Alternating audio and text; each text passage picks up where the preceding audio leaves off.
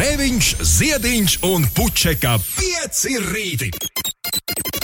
Eterā katru dienu starp 6 un 9. Lai teiktu mums visiem, labrīt! Labrīt, Rīga, labrīt, Latvija. Labrīt no Kristiāna Bauskas pusē šajā miglainajā rītā. Labrīt no Ulda, kurš ir Somijā. Viņš raksta, lai produktīvu dienu katram. Cik patīkami, ka jau 4 no rīta ir plus 10 grādu silts. Un varbūt enerģiskai dienai kādu metāliku var sarunāt. Es braucu Uldi veselu, veselas 25 minūtes klausoties amerikāņu čaļus, kuri atkal runāja par to, ka mūzika par radio ir beigusies. Nu, ka šis, šis Covid-19 beidzot izslēgs to mūziku ārā no radio pavisam. Bet, nu, labi. Jo, kāpēc? Uh, nu, tāpēc, ka nākamās paudzes nesapratīs, kāpēc par radio dziesmas ir jāklausās. Viņi stāstīja par ļoti interesantu staciju, kas ir bijusi kaut kad 90. gada pirmajā pusē Čikāgā, kur ir mēģinājuši darīt to, ko nu, tagad, pēc viņu domām, nākotnē darīs visi. Uh, nu, jā, tajā, tajos laikos mēģinājuši uzbliest radio, kurš tikai un vienīgi runājis. Un cilvēkiem tā kā viss ir paticis, bet eh, kaut kā tās dziesmas gribējās. Nu, tomēr. Bet tas bija laiks, kad tu nevarēji atvērt. Uh, labi, sāksim ar to, ka tev nebija telefona, ko rokās turēt. Un arī tad, kad tev bija telefons pēc kādiem pāris gadiem rokā, tev nekad neienāca prātā, ka tu tur atvērsi vienu lietotni, un tajā tev būs visa pasaules mūzika iekšā dabūnam. Un, uh, nu jā, viņi tur to visu tajā tālajā Amerikā. Viņi to visu pamato ar to, ka būs vesela jauna paudze, kur, nu, kuriem tā besīs, ka nevar pārslēgt dziesmas. Hmm. Nu, Nu, jā. vecais stāsts par bērnu, kurš ienīst radio. Iekāpj iekšā tēta mašīnā un saka, please play next one. Bet radio nespēlē nākamo dziesmiņu. Labrīt, Uldi. Jā, jā. labrīt, Ines. Tu tur esi? Halo? Jā, labrīt, es arī šeit esmu. Forši. Forši mēs visi Es esam. nepiekrītu tam, ka beigsies tā dziesmu spēlēšana, bet droši vien tiem, kas ir atbildīgi par dziesmām, radio, tiem būs jāprot labāk uzminēt, varbūt, ko cilvēki grib klausīties. aizmirsti par. Es domāju, ka šo mēs mūsu karjeras laikā Latvijā mēs šo nepiedzīvosim. Kamon, ir 2020. gads, un joprojām divas no top 20 radiostacijām ir vienkārši parasti datori, kas spēlē. Trīs pat no top 20 radiostacijām ir datori, kas vienkārši spēlē mūziku, kur pat nav neviens dzīves cilvēks ēterā. Un tas kaut kā par spīti jebkurai teorijai jau pirms 18 gadiem tas darbojas. Tie amerikāņu vīri ir iedomājušies, ka, ja visi kaut ko dara, tā, tad visi to vēlas. Bet patiesībā cilvēkam nemaz nevajag izvēli. Tik ļoti. Vienīgā, jo viņi, viņi, viņi gan ir pats mazliet, grūtākais. Jā, viņi mazliet ir pārvērtējuši savas spējas, domājot, ka viņu runas spēj konkurēt ar visu pārējo, kas ir internetā. Jo Conan, nu, Late Night Show, tas Conan O'Brien, piemēram, viņi tur ik pa laikam smējas par to, ka kāds iedomājas, ka radio vispār vēl ir vajadzīgs. nu, it īpaši, nu, viņi, viņi gan to dara podkāstā, līdz ar to tā.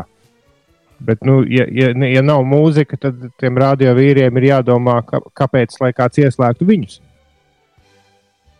Tāpēc, Nevis ka viņi, nu, jebko kā, tāpēc, ka viņi atšķirībā no podkāstu runās šajā brīdī.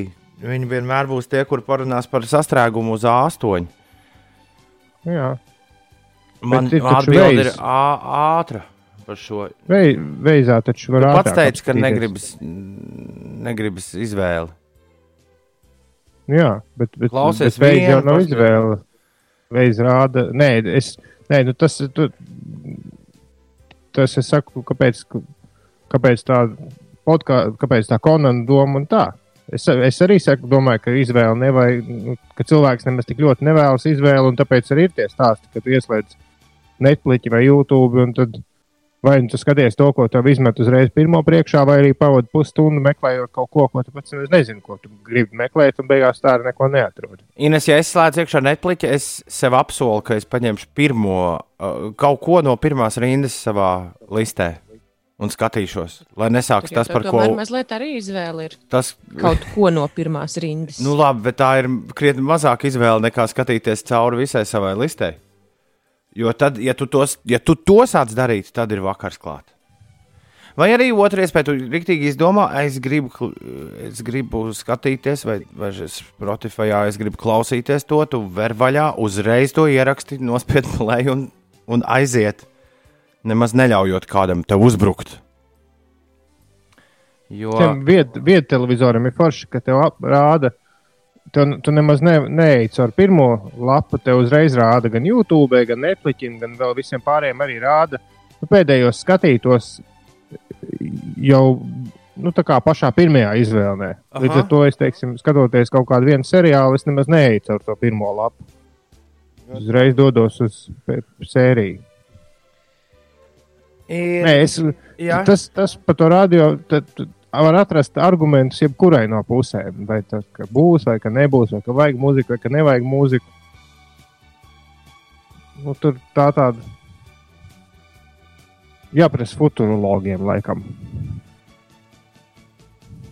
Es vēlreiz saku, tas viss varbūt darbojas Amerikā, bet tas nedarbojas mūsu mazajā zemē, kurā tu vari droši darīt radio. Ik viens var radio darīt, ko viņš vēlas, un visiem sanāk.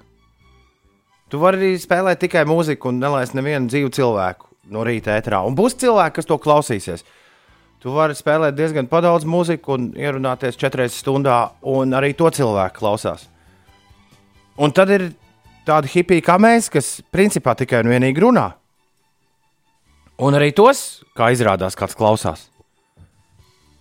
Tā kā pasties uz paplātes, viss, viss kā vajag.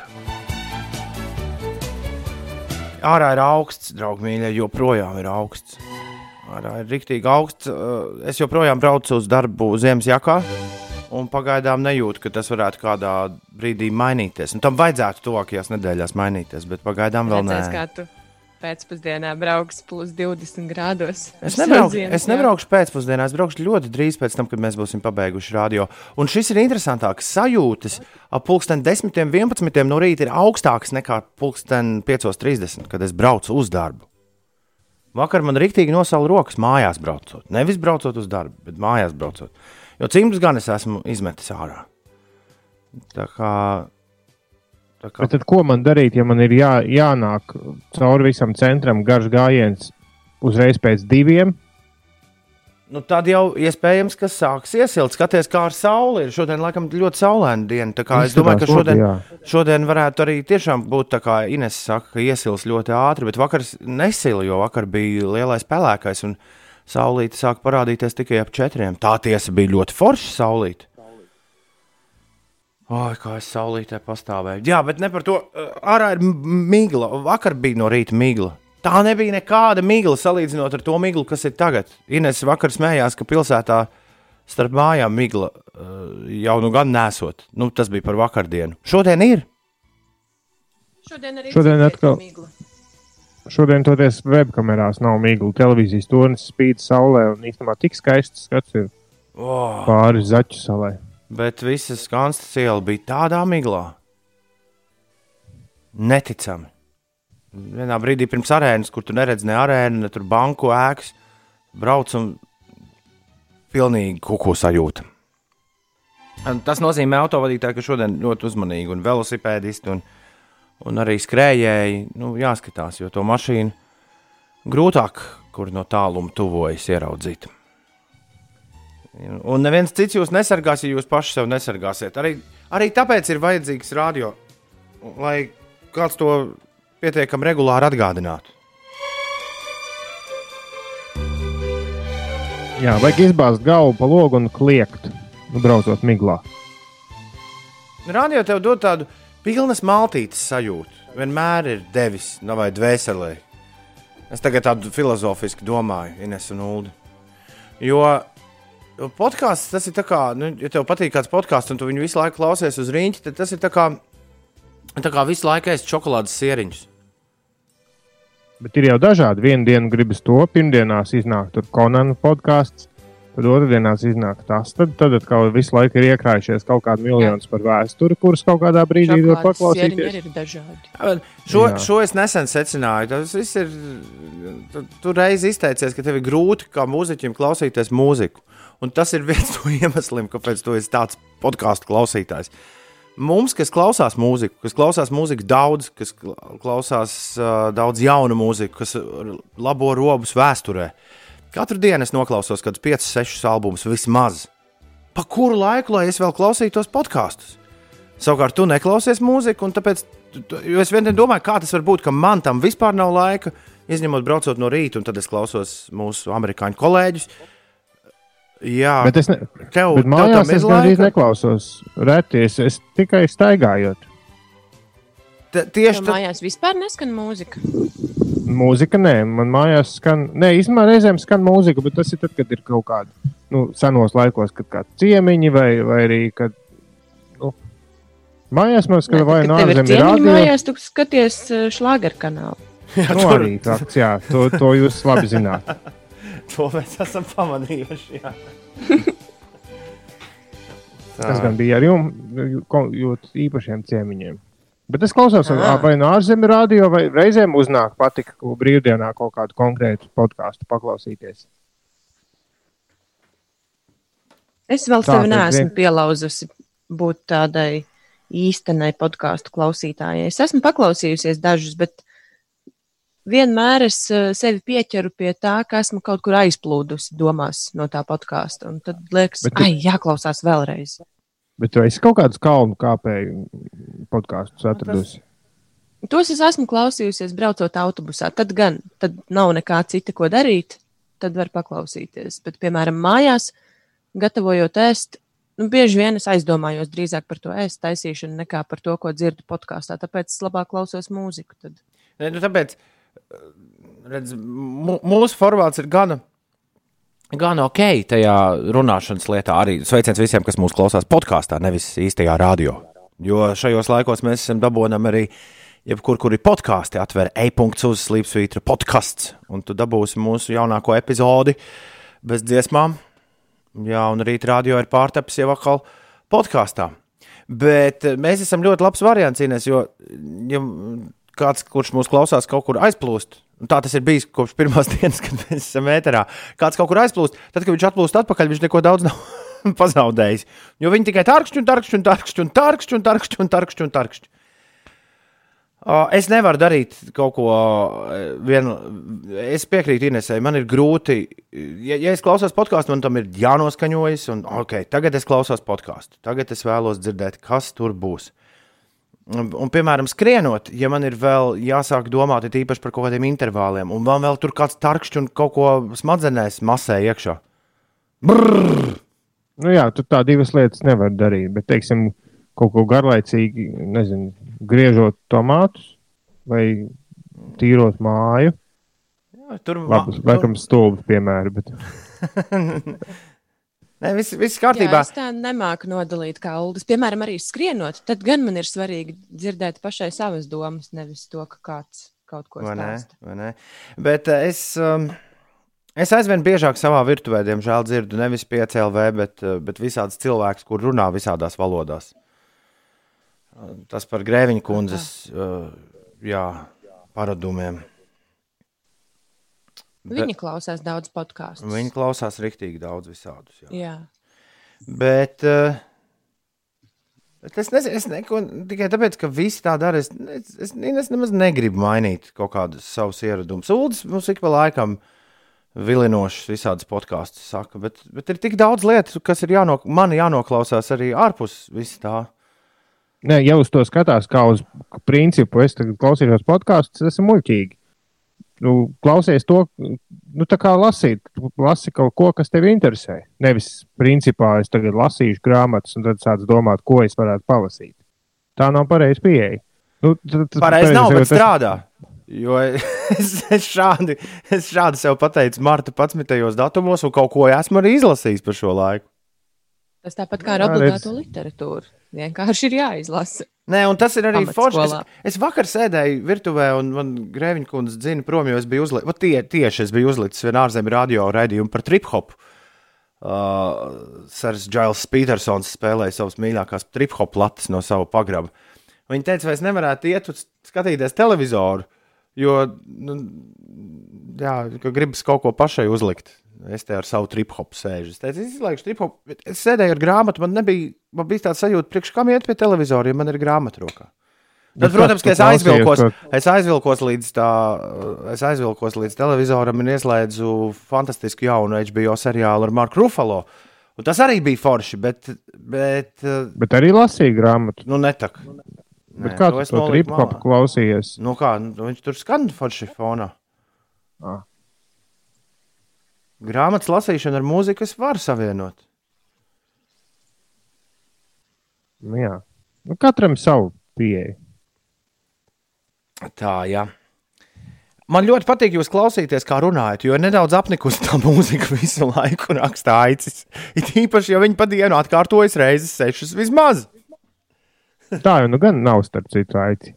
Tā nav, bet tā, tāda sajūta ir. Tāda sajūta ir. Tā ir tā eh, regulārā klausītāja sajūta. Šajā radiostacijā patiešām salīdzinot ar ļoti daudzām citām FM stacijām Latvijā, dziesmas atkārtojas reti.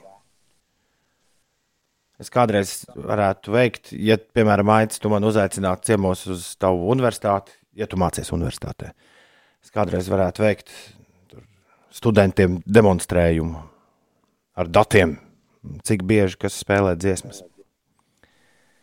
Dažreiz ir jāiet kaut kādas jaunas, aizraujošas dziesmas, kuras mēs te uzdrillējam, kā piemēram tramplīna skaņdarbi, vai ne? Bet, Bet tas vienalga ir tikai tur trīs vai četras, nu, trīs reizes četras dienā. Viens, divi, trīs, četri, pieci. No. Tramplīna dziesmē piecas reizes. Labrīt no bieriņiem. Šodien eju uz darbu pārunām. Pēc 15 gadu nostrādāta laika vienā darba vietā ir laiks pārmaiņām, raksta Kārlis.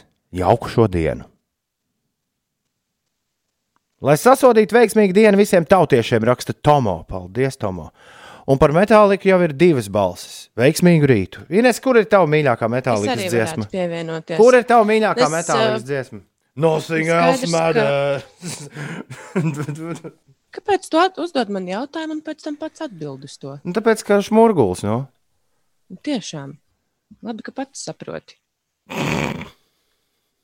Nu, The Unforgiven.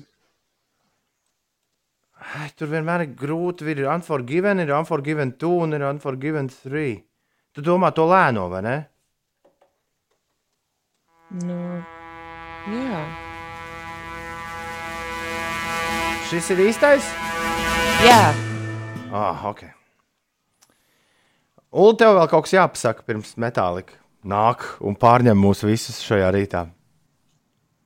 Man kaut ko no albuma Fuel. À, man, no- nu, labi, nē, es varu kaut ko vienkārši pateikt. Man liekas, ka tā ir taura tur metālikas sākumā. Varbūt pat Taura? vai nu, vu- vai nu vuvuzela vai trombons. Tas tu. Šis ir no melnā albuma. Nu, Nevis Jā. no Fuel. Zinu, jā. Tev jāņem pretī, ko tev No, dod. Inesē priekšroku. vai ne? Kā vienmēr.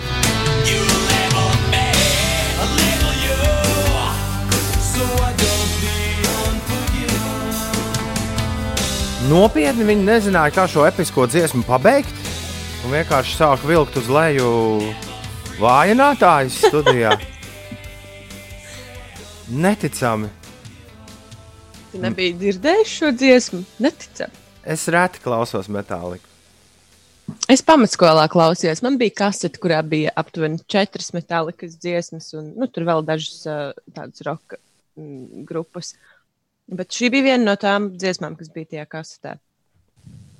Bet fade out, uh, ja jūs, man šķiet, ka mūsu čatā jau sen tas video kaut kur sūtīts par fade out ļoti interesanti. Arī no viena podkāsta, starp citu, par to, ka fade out ir veids, kā dziesmai likt skanēt mūžīgi. Nu, Tas ir ļoti- Protams, ka tas ir producentu veids, ka tas nu, ļoti reti tiek izmantots, tāpēc, ka, nu, ka dziesmai jānogriež beigas, ka tas gan arī nu, labos labos, labu producentu darbos tas ir efekts. Jā, bet tas ir vecmodīgi šādi darīt. Nu, tā overall skatoties Nu, bet uz mūziku. kad šī dziesma tika sataisīta? 91. gadā, jā. Nu, Es domāju, mūsu daži producenti tev nepiekrīst. Nu, labi, bet to mēs taisīsim kaut kādā mūzikas diskusijas raidījumā, nevis, nevis piecos rītos šo sarunu. Nu, ja varbūt kādreiz arī uztaisīsim no rīta. Kas to lai zina? Ines, vai tu saproti, kāpēc tev bija kūki uh, virtuālā Es vismaz saprotu. Nu, nu, Jā. pastāsti Jā, visiem, kāpēc, tāpēc, kāpēc, ka- kāpēc? Es brīnos, kā tu to atceries. Mm. Uh, man pirms pāris dienām tieši Lauris Valters atgādināja par šo notikumu, jo viņš man atsūtīja fotografiju no 25. maija pirms četriem gadiem, kur es ciemojos pie viņa lielvārdē. Un, uh, tad mums sanāca tā diezgan komisks tas viss pasākums, jo es biju aizbraukusi, jā, ciemos, Lauris bija uzaicinājis tur uz pasēdēšanu pirtī un paciemošanos pie viņa, viņa lauku īpašumā. Un es viņam saku, zini, es laikam tomēr nepalikšu līdz rītam, jo Kas man tie par svētkiem pirmais. Nu, nebija nekāda svētka. Viņš vienkārši uzaicināja ciemos. bieži aicina ciemos. Trešdienā. Nu, Jā. labi. un, un es viņam saku, zini, man nākamajā rītā tādas svarīgas darīšanas, agri, agri no rīta. Es saku, laikam nepalikšu tajā lielvārdē. Viņš saka, nu, nē, nu, taču ar pirmo vilcienu var aizbraukt līdz Rīgai. Es tā ļoti atbildīgi teicu, nu, nē, man ir braunīs jāuzcep. Un uh, beigās sanāca tā, ka es biju izdomājis ar pēdējo vilcienu braukt atpakaļ uz Rīgu, un pavisam nejauši sanāca to vilcienu mazliet, mazliet nokavēt. Nu, tā kā viņš aizbrauca mums uh, deguna priekšā garām. Tā Cik mēs ar saldas, mašīnu, cik salda sajūta. tā mēs ar mašīnu dzināmies pakaļ vilcienam līdz pat ogrei. Jo man tiešām bija ļoti svarīgi nokļūt uh, Rīgā, jo nākamajā dienā bija mans uh, pirmais ēters kopā ar jums. Mm. Inesē. Inesē. Tu jau četrus gadus nevari tikt ārā no šīs virtuves. tu tur esi iespundēts tik rītu. Un pagaidām neizskatās, ka kāds tev grasās laist ārā. Man patīk šī virtuve. Daudz laimes dzimšanas dienā, Ines. Tavs Manā piektais, radio dzimšanas tavs dienā. piektais ētera gads sākas šobrīd, šajā brīdī. Tolaik mēs jau bijām no 6 līdz 9, vai ne, Ines? Nē, manuprāt, nē. À, nu, jūs bijāt, bet es nācu no sākuma pusseptiņos. Kas tev Uz- lika mainīt uz darbu. savus ieradumus? Kas man lika mainīt? Es īsti neatceros. Es arī neatceros. Mēs pēkšņi izdomājām, ka mums visiem trijiem ir jābūt. Jā, kāpēc lai Agrāk. pusstundu agrāk nepamostos? Jā, Kāda vaina? Šis ir bijis ļoti jauks laiks mums visiem kopā. Nu, tāds kā tādā īstā ģimenē. Drīz būs, daudz, liekas. drīz būs daudz klausītāju no visu mūsu klausītāju kvoruma, kur nemaz nezinās, ka tu neesi ar mums kopā no pirmās dienas. Domā? Un tas ir forši. Nu kā, jo lielāko, ilgāko laiku tu ar mums jau esi kopā. Cik rītiem? Jā. Septiņi paliek novembrī, Ulu. Mēs esam 7. ētera gadā, vai ne? 13. gadā mēs sākām šo visu darīt. Mm. Jā, es tā nekad nerēķinu, kurā gadā mēs esam.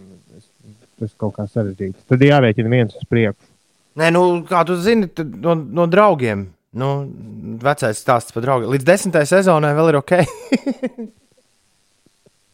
Man ir tā desmitā sezona stāvgala. vai ne? vai ne? Vai ne? Arī Sanfelds teica, ka nekad nevajag iebraukt divu ciparu skaitu. ok.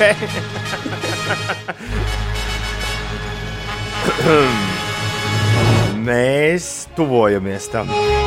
Ir 6,36. Today very lucky. Congratulations me! Yay! Es vienmēr domāju, kā šis izklausās tiem, kuri pirmo reizi mūžā ir mūs ieslēguši vai iegājuši benzīna tankā, kurā pir pirmo reizi dzīvē ir izdzirdējuši šīs balsis no rīta. Esiet sveicināti, draugi! Šeit Latvijas Rādio 5, 5 LV. Mm -hmm, 5 rīt šeit gadiem jau starp 6 un 9. Grēviņš, Ziediņš un Puķakā. Ik rītu kopā ar jums priekos, bēdās, normālos laikos, ārkārtas laikos. Gan laikos, kad nemazgājām rokas, tik bieži, gan laikos, kad beržam tās cītīgi, cītīgi un cītīgi.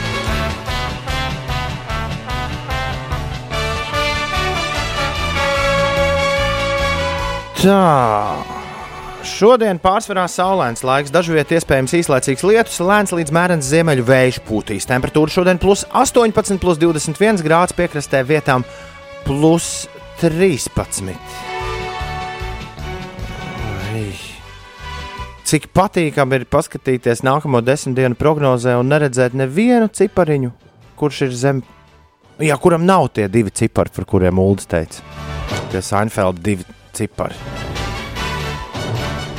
Un šodien ar plus 20 uzraušot jau 12. dienā galvaspilsētā. Nu, vai nav jauki? Tad to ziemas jaku laikam tomēr neņemšu.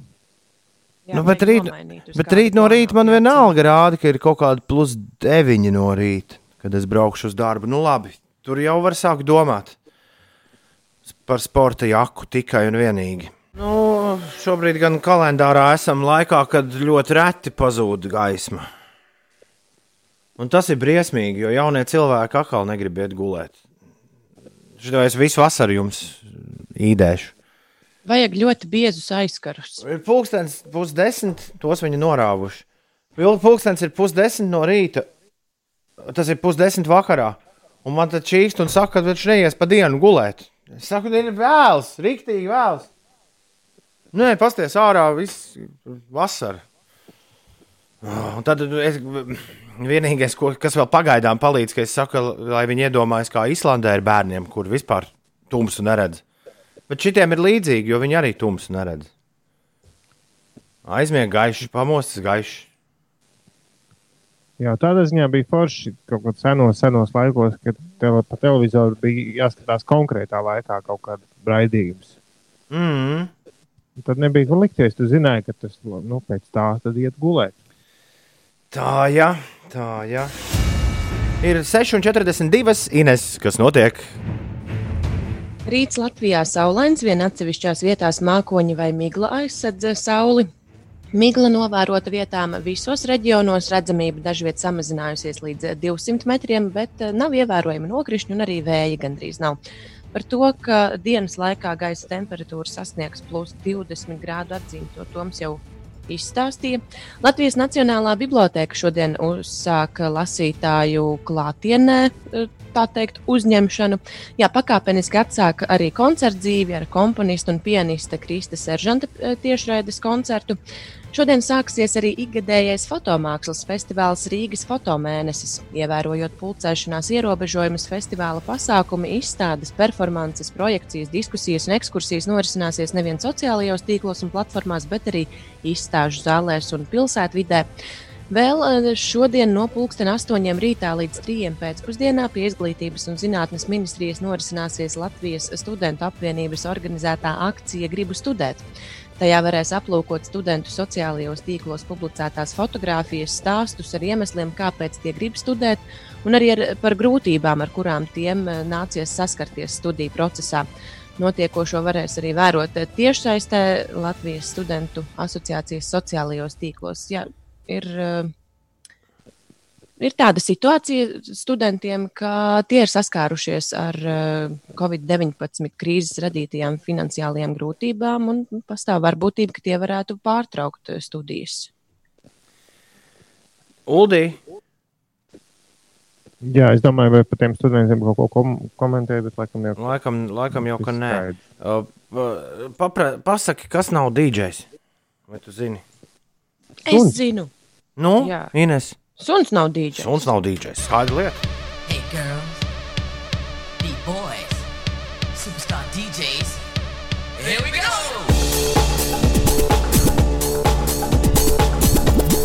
Suns nav DJs. Here we go!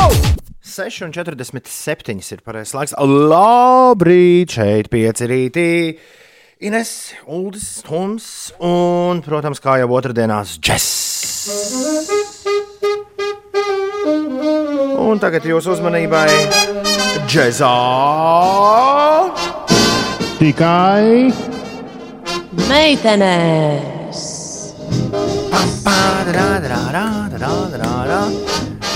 Vienreiz viņš bija viens pats, vienreiz viņš bija Duke Ellingtonu, šodien viņš būs ar Kansas City 7. Kas tas ir? Pareizi, Ulu. Tas ir visleģendārākais, ja mēs tā biju Levants aizmirstam. Uh, leģendārākais džēza pianists, kāds jau kad Amerikā dzīvojis. Count Basie. Beizī. Count Basie. Count- Es viņu vienmēr saucu par Count Basie. Bet lai ir Count Basie, nu, ne jau mēs te angļi. Uh, Count Basie and the Kansas City 7 ir skaņa plata, kur man parādīja mans džēzus skolotājs Aigars Norts svētdien. Es uh, nopietni, ja es kaut ko, kaut ko vispār par klasisku džēzu vairāk uzzinu, tad es to uzzinu no maratona tēva Aigara Norda Instagram konta. Viņš ir uh, vinila kolekcionārs, un ik pa laikam, sestdienās, svētdienās viņam uznāk, ka viņš kaut ko foršu uzliek, un, un tad arī to parāda visiem pārējiem, kas viņam seko. Jā, Instagramā. Nu, tāds brīnišķīgs. Es uz, uzliku pilnīgi samulsu svētdienu. Ārkārtīgi brīnišķīga mūzika. Uh, jā, ierakstīta pie Rudija Van Geldera, Ņūdžersijas eņģeļkoka, jā, šitajās te Klintīs, leģendārajā Rudija Van Geldera studijā 1962. gadā, un nekas, nekas daudz par šo ierakstu nav zināms. Uh, Kā, kāds Skots Janovs Almūzikā ir rakstījis, viens no Count Basie, uh, viena no Count Basie nedaudzajām mazo grupu sesijām 60. gados, un šī visticamāk ir vislabākā. Uh, Count Basie, Basie and the Kansas City 7 skaņa plati un uh, Franka Vesa skaņdarbs Secrets. Vispār. Oh. Tas Franks Vests bija džēza saksofonists un flautists Amerikā. Šis vispār gabals rauj sirdi laukā. Un Tas jums tagad arī jāklausās. Džēzā tikai meitenes Count Basie and the Kansas City 7 šajā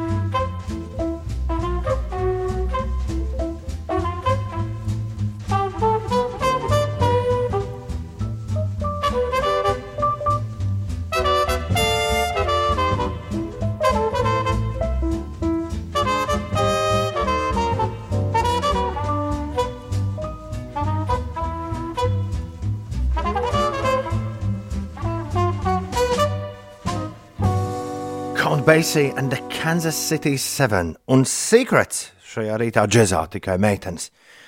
Tas uh, šīs skaņdarba autors ir arī flautists uh, Kansas City 7 sastāvā Franks Vests. Un uh, savukārt uh, šis brīnišķīgais trompetes solo, kas šajā gabalā bija dzirdams, par to ir tāds Thats Jones atbildīgs. Bet vispār nav tā, ka bieži dzirdēti tie vīriņi, kas bez paša konta Basie spēlēja gabalā. Piemēram, Sonija Peina bunzinieku, es neesmu tā baigi dzirdējis. Ja jums patīk tas, ko jūs dzirdējāt, meklējiet rokā. Brīnišķīga, jā, 62. gada plate. Uh, Impulse ieraksta kompānijā izdota Count Basie and the Kansas City 7. Ines, tu neaizmīgi? Nē, nē, nē. Tad labi. Tad labi. Diezgan rīta mūziķiņa. Jautrs gabaliņš, jā. Ko tu gribēji Ulu, teikt? Nē, nē, es saku, es jau saglabāju. Jā, šito tu varēsi rādīt tiem saviem džēza vīriem. Nu, tie zina jau, es domāju. Kā jau es tev teicu, tad šis, nav, šis nebija. Es iepriekš nebiju šim albumam, vai vispār par viņu neko dzirdējis. Bet tavu džēza vīri gan jau, ka jā, ir daudz izglītotāki. Mūžs dzīvo, mūžs mācies, un to mēs otrdienās te darām, tad, kad skan džēzā tikai meitenes. Tev, starp citu, atsāks šodien džeks, Ulu, vai ne? Īstais, šodien- īstais džeks. Ah, jā, jā, šodien ir sākas trīs dienu mēģinājuma sesija Big Bandam. Spīķera koncerta zālē, kā tur, tur, tur viss būs sasēdināti. Man ļoti interesē, kā tas viss izskatīsies. Ko jūs, ko jūs mēģināsiet? Tas man liekas, ir daudz interesantāk. Mums ir 6. jūnijā koncerts, ko rādīs Latvijas televīzijā ar Paulu un Antonienko. Tur À, tā- tas būs tajā viņu studijā. Te, tas būs Zintra koncerta zāles atklāšana. À, Antonienko tā laikam pareizi izrunā. Nu, katrā ziņā tas būs tiešai Latvijas televīzijā, Zintra koncerta zāle bez publikas. lielā ārā koncerta zāle, kas var būt interesants piedzīvojums. Tur tev arī vajag ar gobziņu sarunāt un atnest. Kaut kādus jā. Ar dzīvnieku maskām. Jā, vienīgi, nu, jā, kas, kas būs pēc tam? Nākamā koncerta datums man šķiet, man vismaz pašam vēl ir miglātīts. Kaut ko sāk runāt par jaunu kopā nākšanas ierobežojumu atcelšanu. Nu, Nē, nu, ielās, ielās tā dzird. Pamazām, kat, nu, taču katru reizi, kad ir viena, un tad skatās, kā būs, un tad plāno nākamos. Tas visu laiku mainās. Grūti gan Patīk. iedomāties 200 cilvēkus ar divu metru distanci katram vienam no otra stāvot. Bet ā, Slovē, Slovākijā tas laikam bija. Slovākijā vai Horvātijā, kāds es šorīt redzēju Instagramā, kāds jau bija uztaisījis balīti. Tur tādi visiem dejotājiem savilkt. Viss vis stāv tā kā bēbīši, nu tādos divu metru sētiņās iekšā. Un tur dejo. Nu, jā. Nu, nu, jā. nu jā. 9. ko Jū... 9. Jūn... 9. jūnijas bija tas lielais datums, kur daudz gaida. Kas tad būs? Tur, nu, Tad droši vien spriedīs par tālākajiem ierobežojumiem. nu jā, tas tieši tāds pats datums kā, kā visi iepriekšējie datumi. Nu, bija iepriekš līdz 12. maijam. Nu, tas tieši tas pats. Izklausās, ka Ulas tūlīt aizmigs. Nē, Ulu neguli, neguli, Nē, Ulu. nē, es negodīgi. Es vienkārši brīnos, ka cilvēki domā, ka būs kaut kas oh, strauji, viss pēkšņi mainīsies. Skaidra lieta, Pamazām. skaidra lieta, ka lielākā daļa tā domā. Nu, nevar taču būt, ka šī tāpa būs tagad mūžīgi. Nu, bet taču pamazām, ne jau uzreiz tā kā visu atraus vaļā. Jā.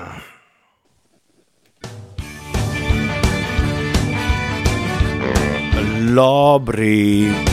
Ir otrdiena, ir 26. maija. Maija, maija, maija. Šeit Latvijas Rādio 5,5 LV. 5 rītī, ja tu vēlēsies ar mums stāties kontaktos, dari to. 293, 202, mums ar kontaktiem viss ir kārtībā. Tu vari mums atrakstīt īsiņu, tu vari mēģināt arī uzzvanīt uz radio. To tik sen ārpus gaisā vai aizā vai diskžokē neviens nav mēģinājis darīt. Vai arī es to neredzu, jo tāda iespēja arī eksistē. Kā esmu aizņemts ar citām lietām, un tālruņa, tālruņa operatoru mums te nav. Jā. Pandēmijas laika dzējas ir atkal jāraksta, jo otrdien taču ir klāta. Jā, un pieci rīta skatīsies TV, un būs gaisā aizā, un kas tik vēl ne. Paliec tāpēc ar mums šeit, pieci rīti. Mēs turpinām. Kaspars raksta, vakar ar brāli diskutējām, kā koris mēģina. Es izsacīju variantu, kā futbola laukumā. Tagad Nu, jau pavasarī var, vai ne? Nu, principā, jā, tikai tur to skaņu grūti savākt. Un, jā, korim, man liekas, kā amatieru kori vēl vispār nedrīkst mēģināt. Bet kurim mazākās grupiņās, jo tur ir stingri, tur ir lielāka distance jāievēro nekā citiem. Traki un dūli. Tāpēc, ka tur bija nu, visādi pasaulē gadījumi ar koriem un vīrusu. Nu, ka viens mēģinājums un pēkšņi tur viss. Nu, tur laikam tā dziedāšana kaut kā. Respektīvi, koriem ir stingrāk noteikumi nekā pārējiem. Skaidrs. Kā tev vakar gāja mācīties ar pieci mūsu Instagram TV šovā? Starp citu, tas tūlīt beigsies. Te ir pēdējās, pēdējie metri šobrīd notiek, jo mācību gads arī beigsies. Visiem skolas bērniem, un līdz ar to arī mācīties ar pieci noslēgsies. Man vakar, kā es arī biju prognozējis, vakar parādījās samontēts mans ēdienu gatavošanas šovs kurā es pats pēc tam, paskatoties, secināju jaunu ideju, par ko, kur man tur, tur uz vietas neienāca prātā. Ka ar laulības gradzenu ļoti labi var sasist olu. Nu, tā kā. Jā, to es arī redzēju. es nekad iepriekš to Tur ir arī nebiju. tava leģendārā iedomājies. pelmeņu recepte. Tur ir arī leģendārā pelmeņa recepte. Un ko tu ar olām darīji? Es, ne, es neesmu Es redzējis. rādīju tev to skrambulē degs Grēviņa kundze teica, ka tas ir olu kultens. īstenībā ir olu kulteniem. Bet es rādīju to veidu, kā es viņu taisu. Nu, jā, uh, bet ko Ulas vakar tu darīji? Es stāstīju par kaut kādām mūzikas aizkulisēm. Nu, piemēram, Tad es atvēršu savu scenāriju, man jau viss ir pierakstīts. Par, uh, par to, par nokļūšanu. Nu, Es stāstīju visādas praktiskas lietas, ko skolā nemācīja. Par aizkļūšanu, uz, uz un no, par lidošanas niansēm, par to, ka jāpērk otru biļeti instrumentam un ka labāk nu, nestūrēt pašam. Un tad par, par naudas lietām, kā tur ir. Bet tur bija ļoti garš stāsts par Monako vai arī par to, kā, kā mums tur reiz samaksāja. To, kas bija domāts katram, samaksāja uz visiem. Jā, Un- mēs šo stāstu esam dzirdējuši. Nu, lielāko daļu, jā. jā. Agro rīta klausītāji ir to dzirdējuši. Un, šo, Jā, un un tad- šodien Ines skārta, vai ne? Jā, Šodien Inese būs, jā. Par, Par šodien kalniem. Beidzot, parunāšu par kalniem. Es redzēju, Instagramā, ka tu biji uzrakstījusi, lai cilvēki uzdod tev jautājumus par tiem kalniem. Viss, kas man ienāca prātā, bija tev pajautāt, nu, pastāsti, kā var tikt tiem kalniem pāri. Kas ir Uldis viss arī man ir astprātīgi jautājumu uzdevis. tev kāds ir pajautājis par kalniem pāri? Nē, nav par kalniem pāri pajautājuši. Bet cilvēki ir pajautājuši jā, nu, par to, kur es gribētu vēl aizbraukt, un kā ir saņemties tam pirmajam kāpienam, un, un, un kā tur tiešām viss notiek, kā guļās pa nakti. Es ceru, ka līdz nākamajam kalnu braucienam tu pieregistrēsies TikTokā. Un Nu, tur tur, tur tu varētu salikt visādas jaukas filmiņas no, no visādām augstienēm un no visādiem Bet, dūliem kā, skatiem. Tas, tas tur patīk Nevienmēr cilvēkiem. Sanāk tā, nu, pirmkārt, labāk turēties ar abām rokām, tur, kur tev ir jāturās, nekā vēl ar vienu roku kaut ko filmēt. Bez tam, tad, kad tu tiešām izbaudi kaut kādas lietas un priecājies par to, kur tu atrodies, kādā situācijā, tad tā filmēšana vai fotografēšana ieņem tik ļoti sekundāru lomu, ka bieži vien aizmirstās kaut ko nofotografēt, lai parādītu arī citiem. Un tas arī citiem neizskatās tā. Jā, citi jau arī to nemaz tā nesaprot. Nu, labi, labi. Es tik skatījos, kā tur Portugālē kaut kāda meitene no klints lecā ūdenī iekšā. Ui! Tik tā kā tu, simtiem tūkstošu skatījumu. Šis YouTube bija jau pirms pat, man liekas, desmit gadiem. Nu, jā, bet tas tagad ir pārvācies uz, tā teikt, pie ķīniešiem. Bet tā galvenā jēga ir tas, ka tur apakšā ir mūzika un kaut kas samontēts. Ja? Tāpēc tas TikToks ir. Nu, iespējams. Tā, uh, labi. Par Ines kalniem klausieties plašāk, pulksten pustrijos, piecēlē Instagramā. Pieci ir jāraksta ar burtiem, lai Instagramā mūs atrastu. Rēnis raksta, pēdējo gadu dzīvoju Viļņā, un joprojām no rītiem jūs klausos. Tāpēc arī esmu. uh, Tāpat arī, nevis tāpēc, bet tāpat arī esmu pasācis klausīties lietuviešu mūziku un gribēju padalīties ar viņu lokālo superhitu. Klipam jau vairāk nekā miljons skatījumu pāris mēnešu laikā. Tas izklausās pēc viņu zemes stundas. Taip jau gavosi sauc gabalu. Mums nav ne jausmas, ko tas nozīmē. Uldunīnes, jūs esat tam gatavi? Vai jūs esat gatavi lietuviešu popmūzikai? Agrā rīta stundā. Nu, Pamēģinam. Ulu, kā tev liekas, kādā žanrā būs šis skaņdarbs? Nu, protams, būs tuts, tuts. Vajadzētu tā būt, vai ne?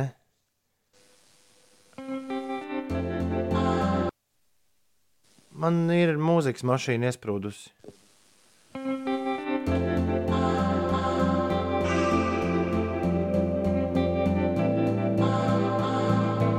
Pagaidām varētu būt arī Dadījuma Oza Kāpēc tā ir, ka vienmēr, kad tu pasaki, ka mūzikas mašīna ir iesprūdusi, viņa patiešām iesprūst? Kā to var dabūt gatavu?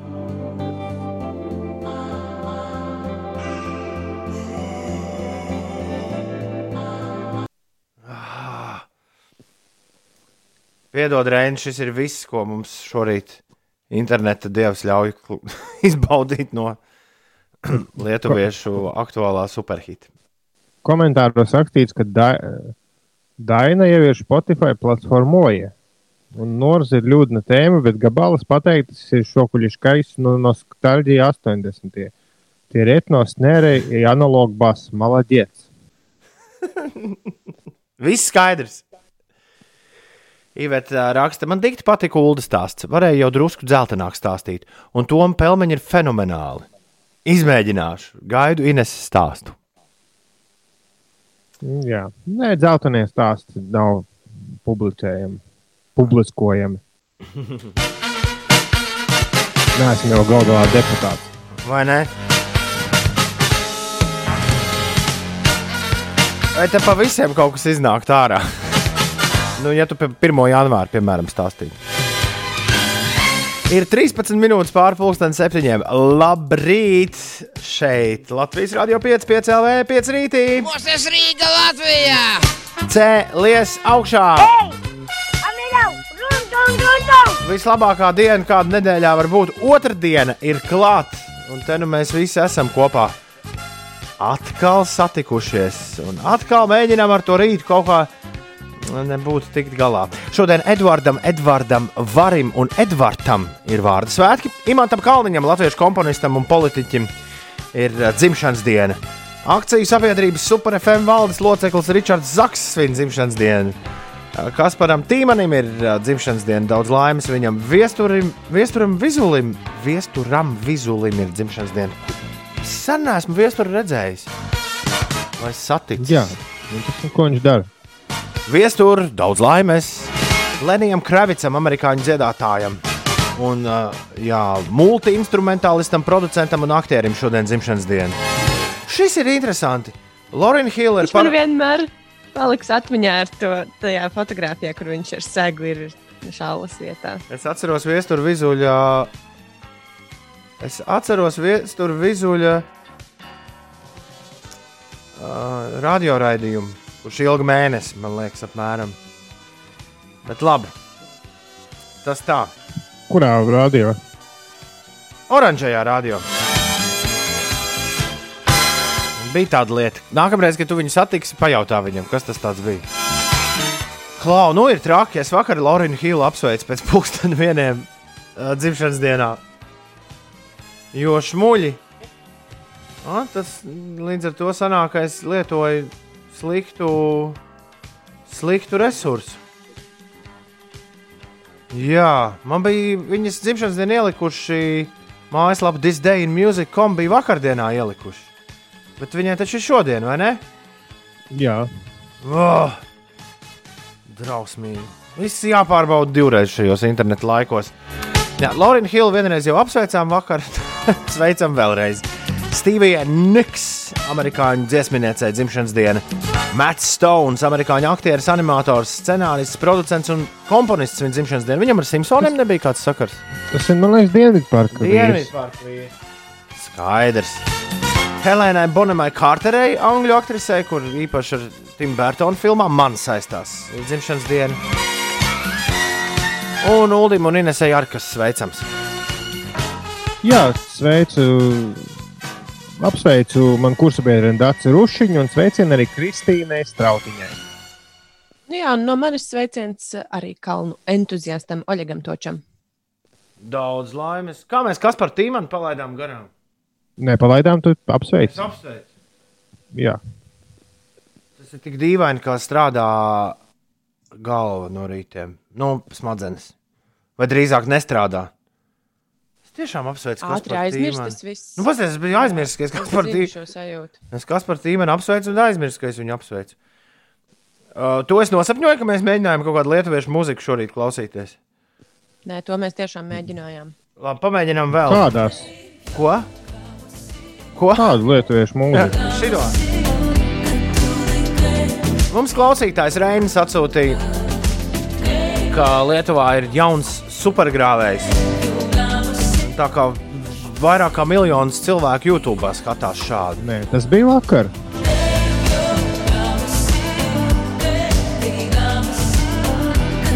Type jau gavosī, Sisters on Wire. Re, kur ir? No vīles. Sveiciens vīriņam Ritvaram 30 gadu dzimšanas dienā. Hip, hip, hurrā! Likāt atcerēties, kā Horvātijā no nelielas klinces lēcu Cetinas upē. Bija super! Tādas man te ceļojuma atmiņas. Jā, Kārli, labrīt! Prieks, ka esi kopā ar mums. Tā, dzējas, Ines, par ko šorīt būs dzējas? Par ko mums padzējot ar Ulu? Mm, ja es pareizi esmu sapratusi, tad nākamajā nedēļas nogalē sāksies, nu, nevis sāksies, bet būs vasaras svētki. Un, nu, teorētiski jau tā vasara laikam ir sākusies. Kas bija smieklīgi, manā mamma apsveic radus eh, pagājušajās brīvdienās ar vasaras, svētkiem. Jā. Bet no, no, jūsu uzdevums ir kaut ko sadzējot par vasaru, vasaras sākumu. Aha. Par vasaras gaidīšanu. Nu, izdomājiet. Bez tur liekiem papildinājumiem. Jā, nu ar ko jums asociējas vasara? Vasaras sākums.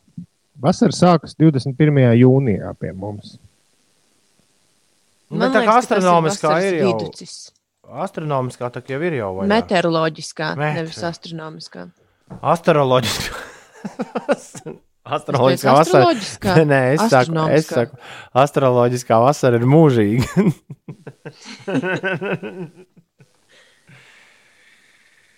Jā, iepļumpē brīnumu. Jūs varat uh, dzējot par meteoroloģisko, astronomisko un astroloģisko vasaru. Okay. Uzdevums plus mīnus ir skaidrs. Es vienmēr esmu rēķinājis, Ines, ka vasara ir no 1. jūnija līdz 31. augustam, un tas nozīmē, ka vasaras vidus ir 16. jūlijā. Tas pēc skolēnu, tas pēc skolēnu kalendāra. Bet esmu pārliecināts, ka lielākajai daļai arī sajūtās. Tieši tā tas arī ir. Ārts prasa, kā jūs varat tik agri pamosties, īpaši ziemās. Mēs paši to nevaram. Es nezinu, kā šitie divi to dara, dabū gatavu. Bet es sāku vienkārši slēgties ap pulksten desmitiem ārā. Tur vienalga, vai no manis kāds vēlas dabūt kaut ko ārā, vai nevēlas. Vienkārši baterijas ir cauri. Un tad tu sev guldini, guldini lejā, tā teikt. Regu, pēdējā laikā vasarā arī uz Ines un Ulu darbojas. Jā. Ļoti labi. Pil, regulāri es pamostos no rīta, un jūs esat atstājuši man kaut kādas ziņas jau tad, kad es esmu bijis aizmidzis. Hmm. Tāpat kā ziemā. Jā. Ziemā to tik ļoti es nepiefiksēju. Un, ja ziemā ir hokeja sezona pašā plaukumā, tad bieži vien es atgriežos mājās tik pēc hokeja spēles kaut kādas 20 minūtes pār desmitiem. Tad man ar sanāk tādu vēlāku vakaru. Tie skaitās vēlāki vakari? Jā. Ah. Nē, man ir, desmit, man ir desmitos jāguļ. Tas nav, nu, nav, cā, nav savādāk. Šis ir apbrīnojami. Savādāk iespējams. Un apskaužami. Es, es piekrītu Uldim. Nu, kādas piecas reizes es esmu aizgājis gulēt desmitos. Tas no. ir vienmēr tik forši. Un jā, man nosacījums jā, ir, jā, man obligāti ir, ir jāguļ pusnaktī. Nu, vai arī pusdienos. Nenormāli. Jūs... Es cenšos, lai 11. es būtu gultā vismaz. Nu, nesenāk vienmēr.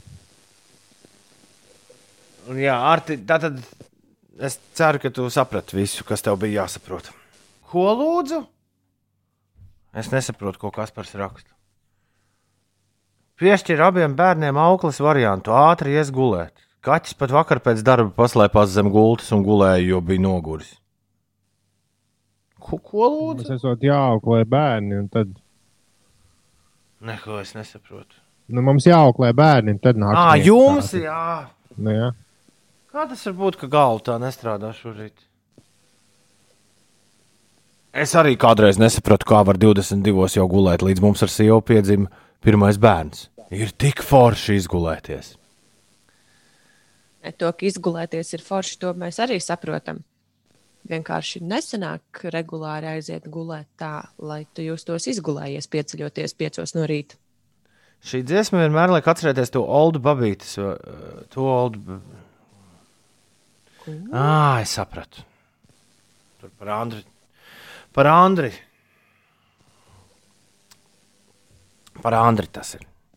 Neliecies traucēt. Ines, es neesmu pabeidzis. Man ir ļoti augsts maziņš dzējols, bet viņam pietrūkst tā teikt, nu, ā, ķirsītes. Pēdējie punkti uz i. Jā. Tāpēc laikam jāuzliek vēl viena dziesma. Kā tev, Ulu, veids šorīt? Man ir divi, divas četrīnas, bet es varētu vēl trešo dzemdēt. Jā, tas būtu forši. Tūlīt būs pandēmijas laika dzējas. Vispirms, lai weekends dzied uh, Blinding Lights dziesmu. A8 apbraucamie ceļi šorīt skaisti miglātīti, raksta Datska. Es no grāmatas ceļiem nebaidos. Laika ekonomija gan īpaši nav. Tur tā lieta. Sēžu pandēmijā, es kasu savas paduses. Laikam jāieskrien būs dušā, kamēr ledus skapis stāv tukšā. Zinu, loģika te nekāda, bet toties kāda man ir bārda. Tā, to, Jā. tā Tomo raksta. Pandēmijas laika dzējas. Mm. Nu, es tad varbūt sāku šoreiz. Nu, jā, Tāds. Radio meitene kauj gaili, bet es sapņoju par daili. Tā pavērsies, kad paliks karsts, un rausim nost mēs drānas dārgās. Saules krēms no ultravioletā sargās, un vēl nāks naktis bargās, kad tveice aizmigt liekas. Tu lūksies slīkstot sviedros, lai nāk sniegs, vai līsti vismaz glāzē pepsis ar ledus kalniem, un neapstājas seriāli par smalkiem maldiem, kur pie labi klātiem galdiem tie mielojas ar augļiem, tik saldiem. Tā sapņoju, es vasaru, pavadot starp lielpilsētas mūriem un sitoties pa dzīvi paņēmieniem sūriem, lai allaž būtu ko noberst no kastroļa. Bet, lai ķertu vasaras sajūtu, jāpaskatās būs atkal pludmales patruļu. Wow! Es Nu, nu, sajūtās, tā kā- sajūtas tādas tik ļoti dzīves par, par šo. Tā dziesma, tas bija par mani. tas bija par Nu, mani. jā, jā, jā. Es Tieši, katru, katru gadu, kad ir karsts es un es netieku ārā no pilsētas, es uzlieku vienu pludmales patruļu sēriju un pal paliek forši. Tā kā bija būt. Jā. Nu, un kad saule sāk uzsildīt balganās miesas, sāk kaimiņi pagalmā izklaidēt viesus. Ik vakaru koncertē dzīvnieku maskās, reizeli pārģērbts pat dusmīgais vecstāvs.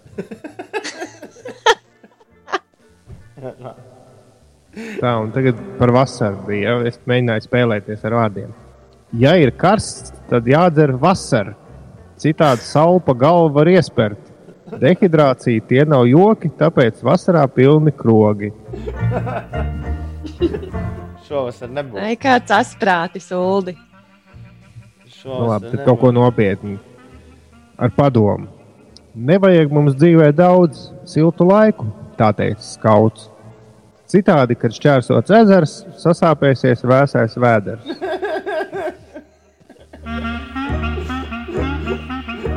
Nav nejausmas, kāpēc, bet, bet tā tur atskaņa Ne, prasīja. nevajag dzīvē, pagaidiet, kā bija.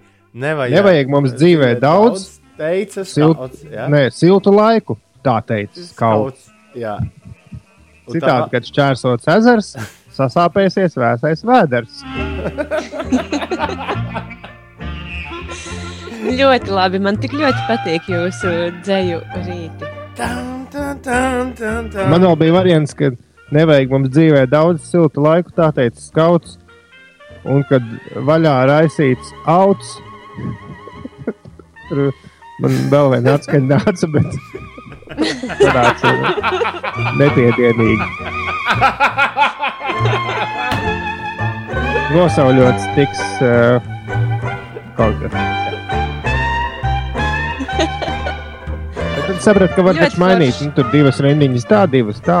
Nu. Lūk, mans jaukais pludmales rīņķis. Paskatām, onkulim tā redzams. Sprauts. 7 un 41. Labrīt!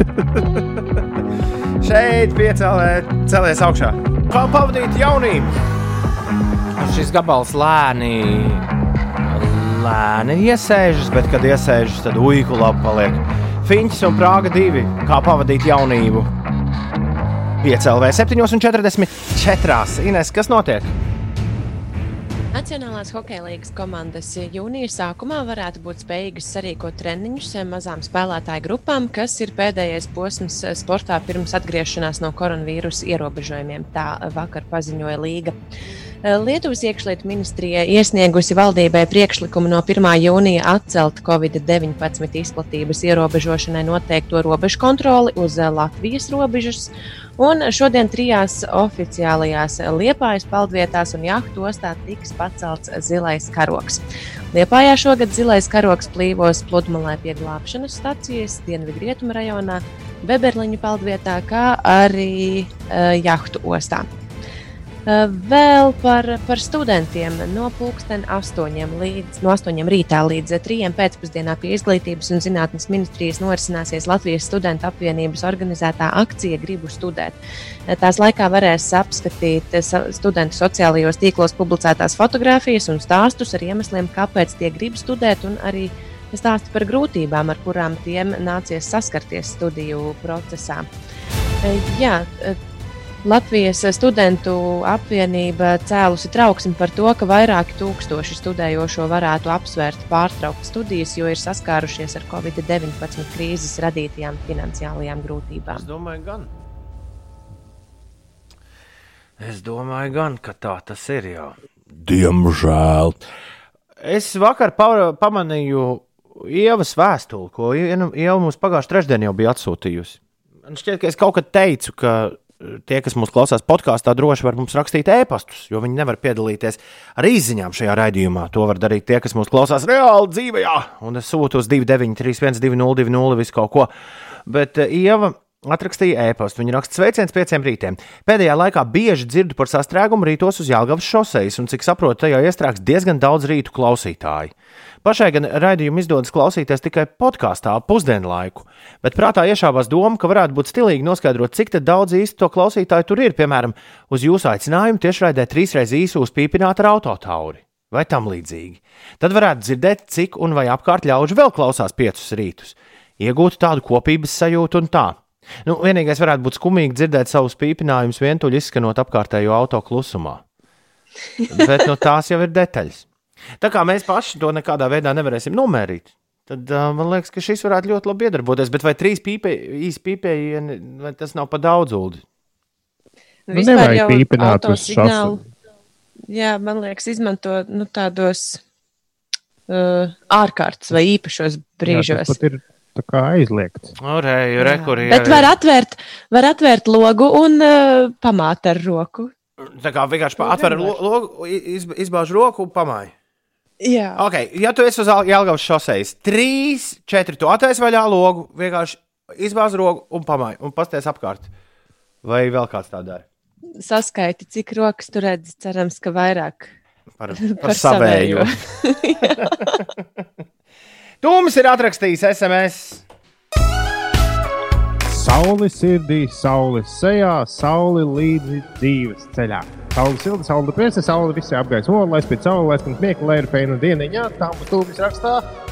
SMS! 747. Sveiciens visiem uz Jālgavas šoseis. Šis, draugi mīļie, ir jums. Kaspars redzēja tikai savu roku. Sandrs arī. Sandrs raksta, kā reiz brauc pretējā virzienā, sastrēguma virzienā uz Jālgaudu. Diemžēl citas rokas bez savējās neredzēju. Ne, jūs tur ir, jūs tur esat. Bet man liekas, ka ir diezgan grūti pārskatāms. Ne? Nu, nu tā. Ja priekšā un aizmugurē ja cilvēki nepaceļās rokas, kur tu tur redzēsi nu, pārējos? Nu jā, jā. Tā gribētos domāt. Nē, nē, es, es nezinu, labojiet man, ja es kļūdos, jo tagad izklausās, ka es kļūdos. Nezinu. Man nav īsti atbildes. Es nevaru iedomāties, jo es ne, nevaru šo situāciju iedomāties. Es, ne, es pēc stūres pēdējo reizi sēdēju trīs gadu vecumā. Nu, nē, pareizi, tad tur žigatu filmējam to reklāmu. Tad es vienmēr aizmirstu. To es vienmēr aizmirstu. Kaspars arī caur kalnciem brauks. Tur šķiet būs ātrāk. Mums rokas Nu, nu, tagad, ja tu pateici to skaļi, tad visi brauks caur kalnu, un tur vairs nebūs ātrāk. Uz P4 pie pagrieziena uz jūglas papīra fabriku arī remontē ceļu, raksta Anita. Tad nu jāstāv pie luksafora stūķis gan no rītiem, gan vakaros. Nu, jā, Vasara vienmēr nāk ne tikai ar silto laiku, bet arī ar remontu sezonu uz Nu, nu. Taisnība. mēs velosipēdisti varētu teikt, nopērts riteni. Jā, no Jālgavas brauc. Nu, bet jau, nu, kad normāls sportiņš katru. 7,52. Pieci rīti skatās TV. Ines šodien pie televizora ar pulti rokā. Nu, ko, tu, ko nu liksim virsū? Jā, Toms visu laiku saka, ka nevajag jau to Netflix tikai ka skatīties visu šī rubrika sāk pārvērties, pārvērsties par pieci rīti skatās Netflix, nevis TV. Bet tam dēļ jūs ar Ulu esat, eh, lai mazliet atšķaidītu šos servisu piedāvājumu. Jā, bet man ir tikai pieejams Netflix, tāpēc es tur arī skatos seriālus. Un es esmu sākusi skatīties diezgan jaunu seriālu. Pirmā sērija ir iznākusi 15. maijā šajā gadā. Tas ir britu spāņu seriāls White Lines. Baltās Va- līnijas. White lines. Tās tās, Jā. tās, tās kuras uh, tur jā, ar, ar, ar dolāriem iekšā nāsīs šņauts. Es domāju, ka teiks tas, kas jūrmalā tur. jā, jā, jā. Jūrmalā jūrmalā droši vien koknesē. Ak, tā tā, par balto pulveru seriāls. Par balto pulveri. Nu, ne gluži. Nu, Ne jau par pašu balto pulveri, bet baltais pulveris ir ļoti iesaistīts visā, kas notiek eh, šajā seriālā. Stāsts ir par eh, kādu ģimeni, par eh, brāli un māsu, kas eh, dzīvo Manchestrā. Un uh, brālim ir liels sapnis kļūt par uh, nu, atzītu dīdžeju. Viņš ir tāds īsts uh, ballīšu zvērs un uh, ballīšu atmosfēras uzturētājs. un Viņam ir ļoti mīļa māsa. Un, uh, un, lai uzlabotu tos savus dzīves apstākļus, viņš nolēma doties uz Ibizu. Vai Mhm. pareizi es izrunāju? Jo Lat- Latvijas- seriālā Latvijas ir visa. Ar V, bet, Jā. bet nu, normāli ir Ib- Ibiza. Jā. Jā, jo seriālā to izrunā pa spāņu modē, mazliet eh, nošļupstot to zēburtu. Ibiza. Jā, kaut Ibiza. kā tā. Uh-huh. Uh, nu jā, Ibiza ir slavena ar uh, nebeidzamām ballītēm un uzdzīvi un, un visu kaut ko. Un tā nu šis puisis dodas uz, uh, uz šo salu. Un uh, seriāls pats sākas ar to, ka uh, tādā smilšu nogrūmā tiek atklāts uh, mumificēts uh, līķis. Un izrādās, ka šīs, uh, šīs mirstīgās atliekas tur ir bijušas uh, šajā tūkstnesī apraktas jau pirms 20 gadiem, kas izrādās ir šīs te, nu, brālis, tas puisis, kurš no Manchesteras ir aizbraucis uz Ibizu. Un tad nu, viņa māsa dodas uz eh, šo vietu, lai atklātu, kas ir noticis ar brāli pirms 20 gadiem. Jo gan brāļa draugi, gan arī viņas tēvs viņai meloja par to, ka brālis ir aizbraucis uz Indiju un, un aizmirsis par tām ciešajām ģimenes eh, saitēm, Aha, kas saistīja aha. viņu ar māsu.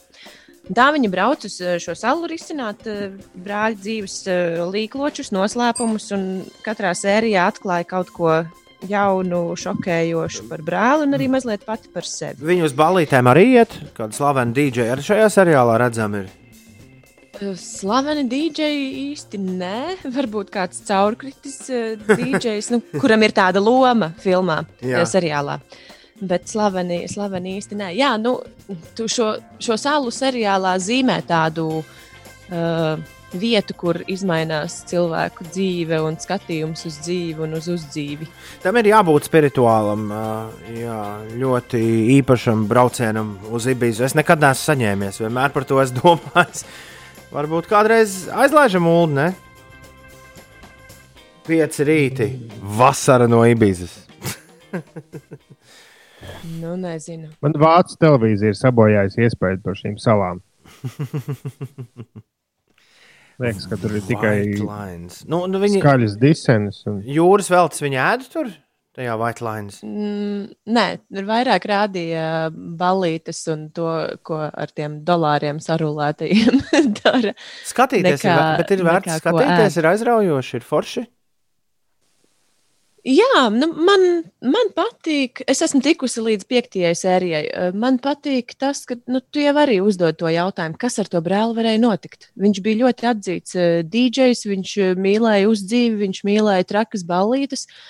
Un kas notika ar viņu tāds, ka viņš bija jāprok tuksnesī, un viņu atrod pēc tam pēc 20 gadiem, kuram no visiem tiem viņa draugiem Viņš ir tā kā vai vairāk detektīvs vai neērts. psiholoģisks gabals, kā tu teiktu? Nu, kādā žanrā tu viņu liktu?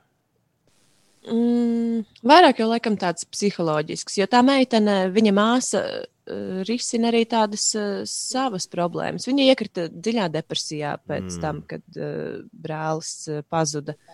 Un visus šos 20 gadus viņa kaut kā ir pavadījusi, un tagad, tagad viņa mēģina būt drosmīga, mēģina viena pati tajā salā atklāt to, kas ir noticis ar brāli.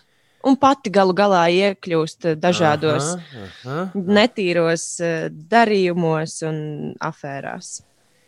Ja tu vēlies pavisam tumšs, jo šis izklausās tāds tu- tumšs ibizes portrets, bet pavisam tumšs portrets ir uh, Lins Remzijs filmā Morvena Keller, kur klausoties šodien par White Lines, es kaut kā vairākas reizes atcerējos, bet nu, tā ir tāda jau augstā māksla ar krietni mazāku izklaides. Izklaides procentu kā seriālā, par kuru tu šorīt mums stāsti. Baltās līnijas, White Lines, jāskatās tās netpliķī. Ineses īsa recenzija par to šorīt Jā, rubrikā, kur tikai- sauc Pieci rīta skatās TV. jā, ir eh, desmit sērijas. Pirmā sezona šobrīd pieejama. Izskatās, ka būs arī otra. Ah, tu jau neesi tikusi līdz galam. Jā. Nē, es neesmu tikusi līdz galam. Jā. Nu, nekas, nekas. Labi, Ulas mums solīja, ka piekdiena būs netliķī kaut kas, nu, brīhtīgi labs. Jā, būs Space Force seriāls par kosmosa spēkiem. Nu, par Wow. to. Bet Tā būs komēdija. Nu, jā, jā, ar Steve'u Karelu, Karelu un par aģentūru, kura tiek dibināta, lai gan neviens īsti nezina, kāpēc viņa tiek dibināta. Lieliski. Nu, ASV. Lieliski. Izklausās, varētu. Par to mēs droši vien plāpāsim tad uh, nākamā otrdiena. Vēlreiz Space Agency viņu sauc. Space Force. Space Force pierakstām. Šis jāskatās sākot no piekdienas. La, la, la, la, la, la, la, la, la, la. Labrīt, šeit Latvijas Rādio 5, 5 LV. Šis ir raidījums 5 rītī Ines Pučakā, kur uh, katru rītu saka Labrīt! Ulrichs Ziediņš, Tā, kurš enerģiski. šorīt uh, saka enerģiski, Ko? un Toms Grēviņš, kurš saka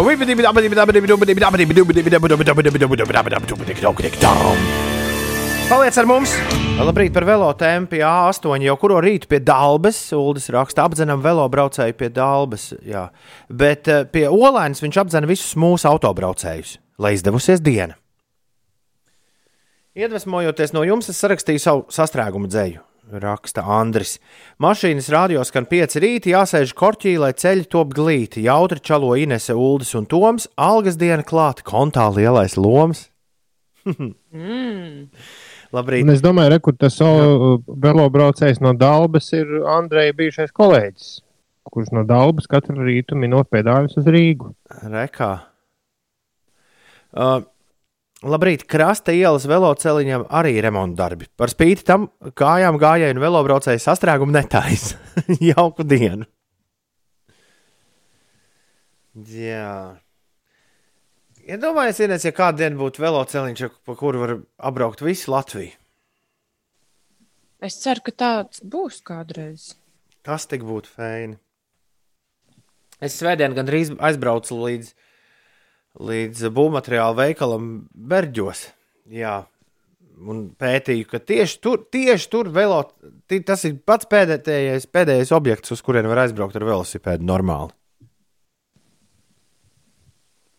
Jo pēc tam mm -hmm. infrastruktūra beidzas. Bet tas būtu tiešām tik fēni. Nu, arī tāda svētdienas braucēja, kā es, ar lielāko prieku vismaz reizi vasarā uztaisīt kaut kādu nu, garo braucienu.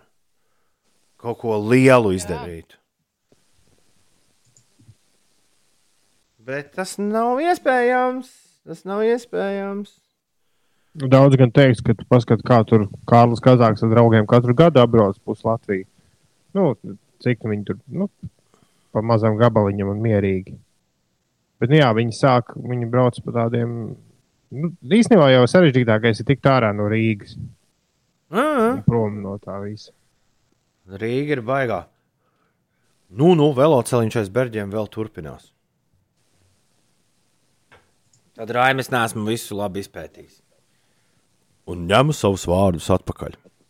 Bērģi upes ciems langstiņi. Kur tas sanāk? Šobrīd var dzirdēt, kā kāds no jums peli spaida pamatīgi. Oi, tās mēs. Ir uh, desmit minūtes pāri astoņiem.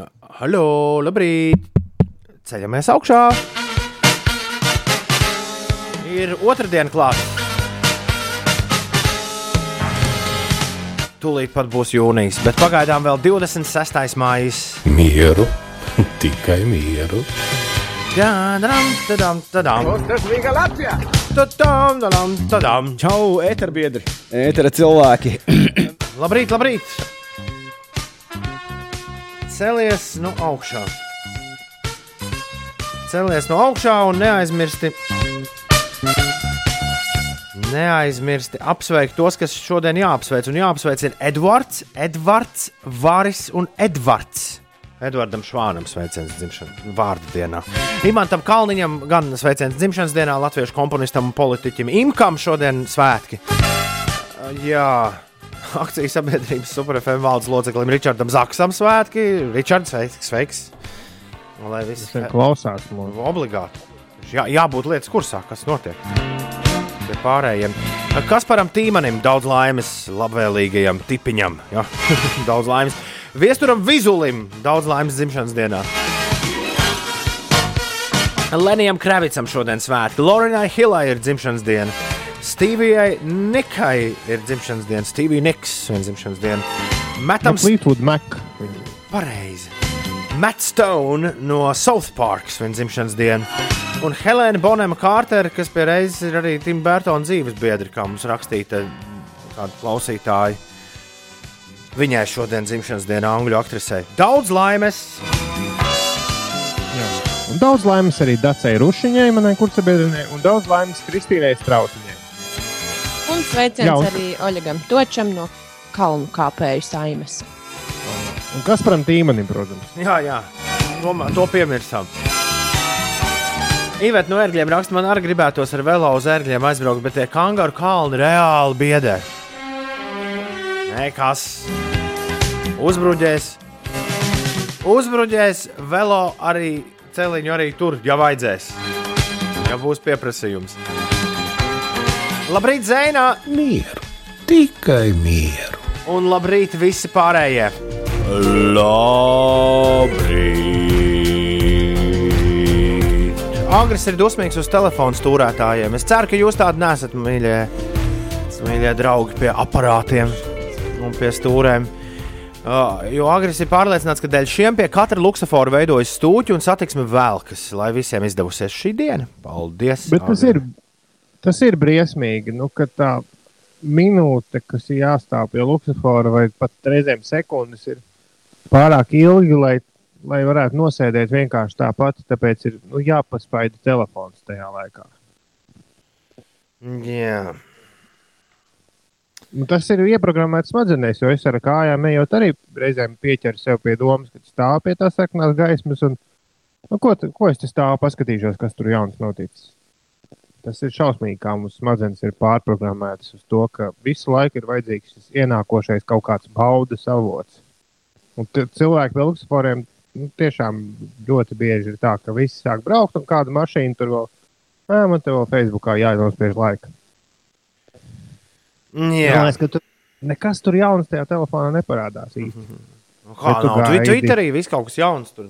Nu, jā, jā, nu, tu gaidi to uh, mazo dēvu ar to baudas hormonu, ko tev sniegs šī jaunā ziņa, ko tu atradīsi. O, paskat, kaut kas jauns.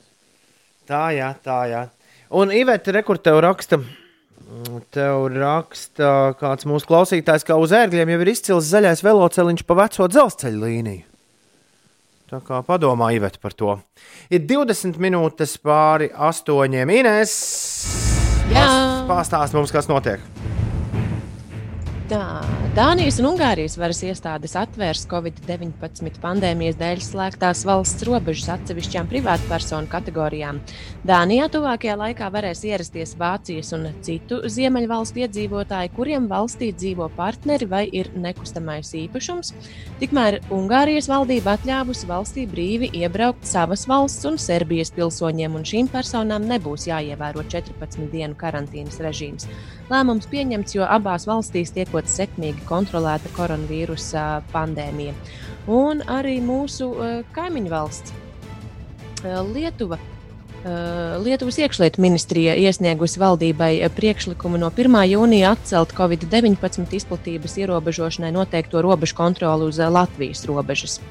Vēl par laikapstākļiem. Šajā pēcpusdienā Latvijā gaisa temperatūra būs plus 18, plus 21 grāds. Vēsāks laiks saglabāsies piekrastē, tur gaidāmi plus 13, plus 18 grādi. Piekrastē būs arī saulainākā diena. Pārējā Latvijā gaidāmi nelieli gubu mākoņi, daži no tiem var pāraugt lietus mākoņos, vietām arī atnest īslaicīgu lietu. Putīs lēns līdz mērens vējš, galvaspilsētā gaidāmas skaidrs debesis un spoža saule. Ziemeļu ziemeļrietumu vējš kļūs mērens un gaisa temperatūra būs plus 14 grādi līdz plus 19 grādiem galvaspilsētā. Brīnišķīgi! Ir 8,22 minūtes. Vakar ejot pa brīvības ielu, vecs auto bremzēja tā, ka smirdēja pēc gumijas. Izrādās, Čalis dzēra kolu, tāpēc neredzēja sarkano. Pie stūres sēžot, ir jāstūrē, nevis jādzer kola, raksta kosmonauts. Nu, nekā nepareizi tajā nav, ko tu saki. Lai vai kā mums gribētos, lai viss ir katru rītu. Katru rītu ir arī ļaudis, kur ir modušies un kuriem ir skumji ap sirdi. Draugi, viss, ko vēlējos teikt, kādu dienu būs atkal liela prieka. Jo mēs ļoti labi zinām, ka dzīve un sajūtas, ar kurām mēs ejam cauri, līdzinās pamatīgam karuselim. Ja tu esi apakšā, drīz atkal būsi augšā, un, diemžēl, arī otrādi. Galvas mūžības taigā, kamēr zvaigznes krīt. Lēni sudraba laiva cauri mūžībai slīd. Tevis dēļ. Kaut kā likās, ka tā vajag pateikt šīs dziesmas beigās. 8,26 minūtes ir pareizais laiks. Kāds sācis bļaustīties radio pagalmā? Ah, Kā? meistari! pi- Pilnā, Celtnieki. tā es neesmu redzējis. Celtnieki, pilnā ekipējumā, klausies, ar ķiverēm. Viss, Ķivers viņam vienmēr ir bijušas. nu, labi, labi. Viss kā vajag. Bet tu sāk bļaustīties. es pavēršu loku, pateikšu, lai bišķi, lai bišķi klusāk. Uzliec viņam kādu mūziku labāk. Labi, tūlīt būs. Es esmu speciāli ielādējis celtnieku gabalu. Bet uh, lielākā daļa šoferu, kas nodarbojas ar blakus lietām pie stūres, ir bīstami apkārtējiem. Bet ne visi. Protams, izņēmums ir telefona lietošana pie barānkas. Ar to ir jācīnās, raksta uh, Rostams laikam.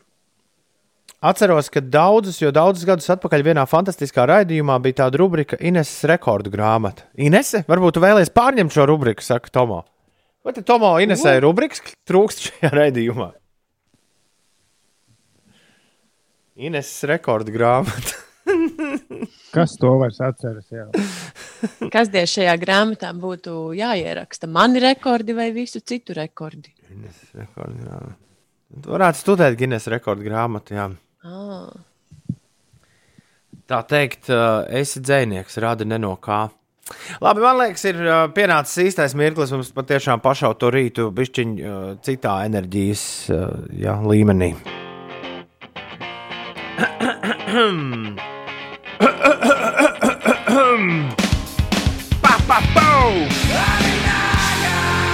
Nirvana smells like teen spirit. Ce- Celtnieki rāda īkšķus gaisā. Es zināju, ka šis būs īstais priekš viņiem. Un pasties, prātnieks, šorīt ir rīktīgs dzējas rīts. Prātnieks visu rītu ir rakstījis garu dzējoli. Kā var nelasīt tādu, vai ne, ja tik garu uzrakstījis? Stāv bufetē gara rinda, tuvāk par divu metru, nē, tā kā cimdā. Tur pirms manis vēl stāv kalsna stirna, nu zini, tā slavenā cacu šķirne.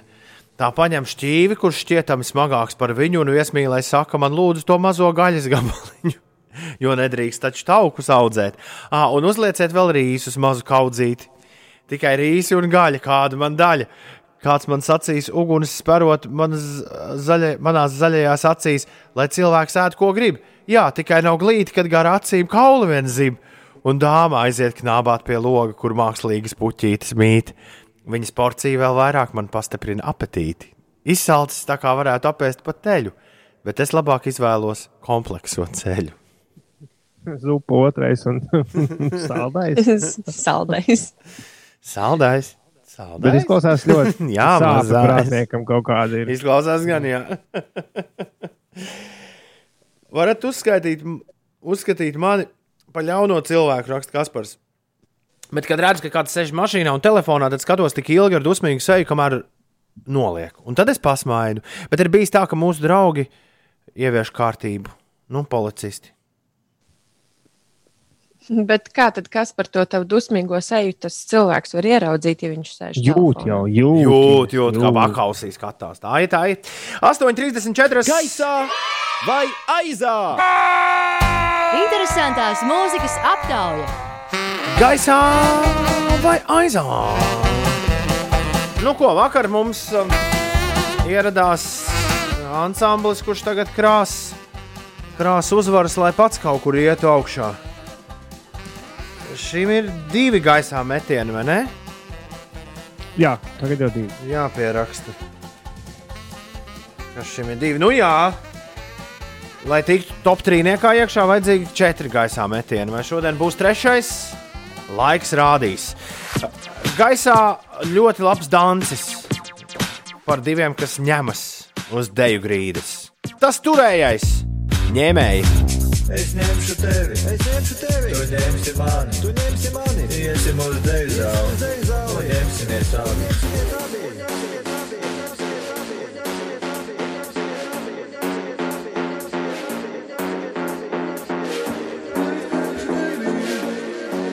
Tas turējais un ņēmēji gaisā vai aizā.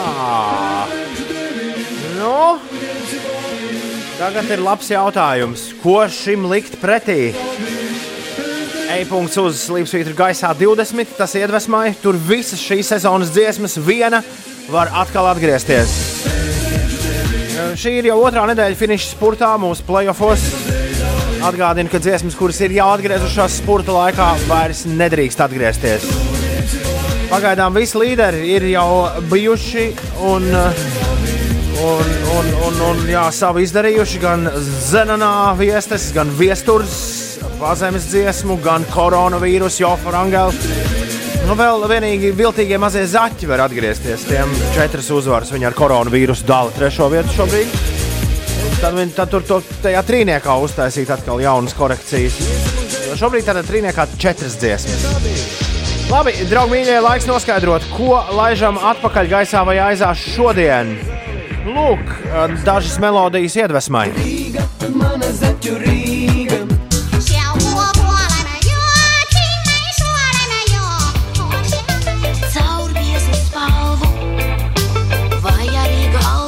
arī būs. Arī būt, kad viss ir pagājis, tu atskaties un redz.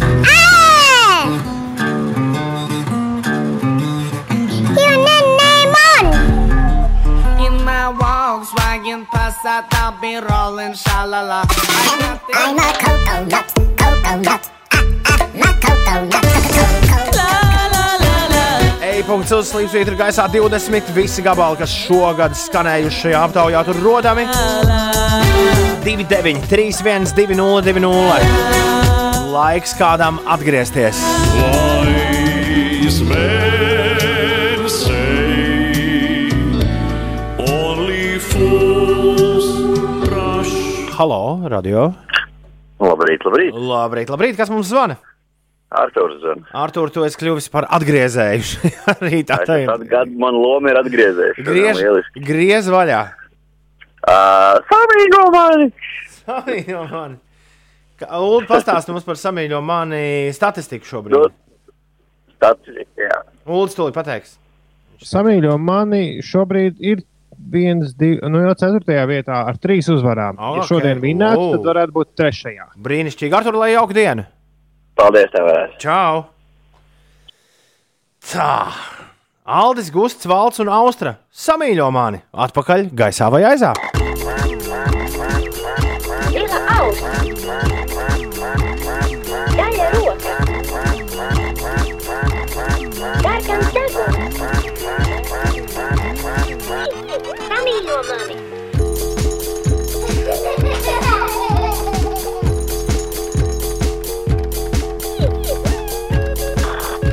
Viens no retajiem, retajiem grāvējiem, kas speciāli priekš gaisā vai aizā rakstīts un ierakstīts pandēmijas laikā. Tas, tas jocīgs. Aldis, Gusts, Valts un Austra samīļo mani. Nu, Uz bronzu iet šodien visa šī jautrā četrotne. Ja, protams, izdosies ņēmējus uzveikt. Metam gaisā vai grūžam aizā. Interesantās mūzikas aptauja. Katru rītu apmēram pēc pusdeviņiem. Kā, kā alaži raujam līdz divām uzvarām, 293, 1202 ir tālruņa numurs šeit studijā. 293, 1202, kuram šodien ir jāiet gaisā un kuram jākrīt aizā? Tāds lūk, mums ir um, šīs dienas jautājums. Jautājums šāds viņš ir katru rītu, bet nu, uh, dotie. Dotie mums ir šorīt tādi, kādi tie ir. Labrīt, radio! Halo! Labrīt! Kas tad, nu? Kā tevi sauc? Tom, labrīt! Labrīt, jā, kā, te, kā, kā tevi godāt? Es tev vēlreiz saku, labrīt! Kristus sveitāt! Ah, nu tev tāda, nu tā, kopš tev piedzima dēls, tev tāds balstiņš smalka ir palikusi. Nu, es gribu- Tas tas es gribēju balstiņš. Teikt. Jā, gribēju teikt, naktis, naktis diški dara savu, bet es neteiktu, ka baigi traucēja. Klau, ko dara, uh, ko dara uh, dzīvnieki šajā Bālis. laikā? Ah, dzīvnieki Jā. vai, vai dēls? Nē, dzīvnieki, dzīvnieki, dēls guļ noteikti. Dzīvniekiem viss ir kārtībā, viss notiek un, un, un, un, un nav, nav, nav nekādi baigie strupceļi, viss ir uz viļņa. Forši. Klau, nu tad ko metam gaisā šodien? Jā, nu, nu, ja, ja man būtu tā unikālā iespēja, es esmu gaisā, protams, sprīdīt. Sprīdīšu fans, bet nu, sprīdīts ir tā leģenda. Uh, tad, tā, tad tas uh, samīļo mani, tas man vēl aktuāli būs trešo reizi priekšā. Man tā mantiņa mājās ir un tā man citīs nervā, jo šie abi, abi gabali, abi gabali atbilst eh, tipiski šim te visam pasākumam, jo abi divi ir nervus raujoši ārā. Tad eh, baigās, baigās sāpe ir par Anna, Anna Dominē, pazemē, patrepē mazdēla dziesmas aiziešanu aizā. Pagaidām, bet viņam vēl ir, pagaidām viņš ir drošā. Pagaidām viņš bet droši viņš ir. teica, ka viņš nevarēs nākt atpakaļ, viņam kaut kāda baigā imunitāte. Nē, nē, nē, nu, bet, bet, bet, ja viņš ir saglabās Ah, jā, savu, jā. savu sudrabu, Jā, tad mēs finālā viņu Jā. vēl redzēsim. Un tur viss vēl Jā, var un es- zin, kā būt dzīvē. Jā, un, tad, un nākamais pēdējais, ko var pateikt, šī līnija ir visaizņemtākā līnija tajā stundā, katrā dienā šajā laikā. Protams, Man protams. trāpījās, un eh, tad pa deju grīdu šodien. Metam augšā. Okay. Čau, Kristā, patā! Čau! Sveicini visus savējos! Čau! Atā, Čau, čau. atā.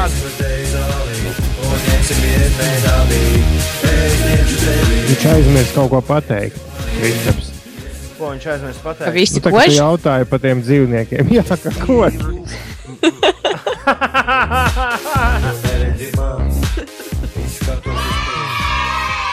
Bet es biju pilnīgi pārliecināta, Nu, nu, kā, par ko tu biji ka pārliecināts? vetārs Kristaps metīs gaisā to samīļo mani. Nā, viņam tā rotaļlieta ir savu izdarījusi. Es kā vetārs saku, kož visi. Visi kož. Un tur vēl ir zvēra balss tajā rotaļlietā. tā kā. Tur vēl trakāk. Jā, tieši tā, tieši tā. Tā, labi, mums ir viens nulle, tas turējais un ņēmēji ir gaisā. Halo, kas mums zvanā? Hei, man! Hei, mā!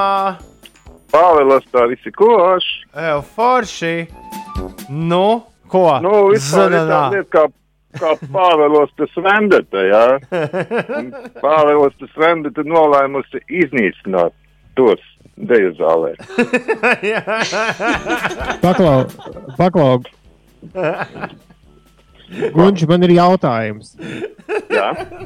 Es dzirdēju, ka Marķis Šulcis stāstīja, ka tagad Pāvils esot tik daudz cilvēku, ka viņš braucot uz Rīgu atpūsties. Tā tiešām ir. Nu, ir vēl tāda vieta kā Ziemupe. Tur nav veikala, tur ir mierīgi.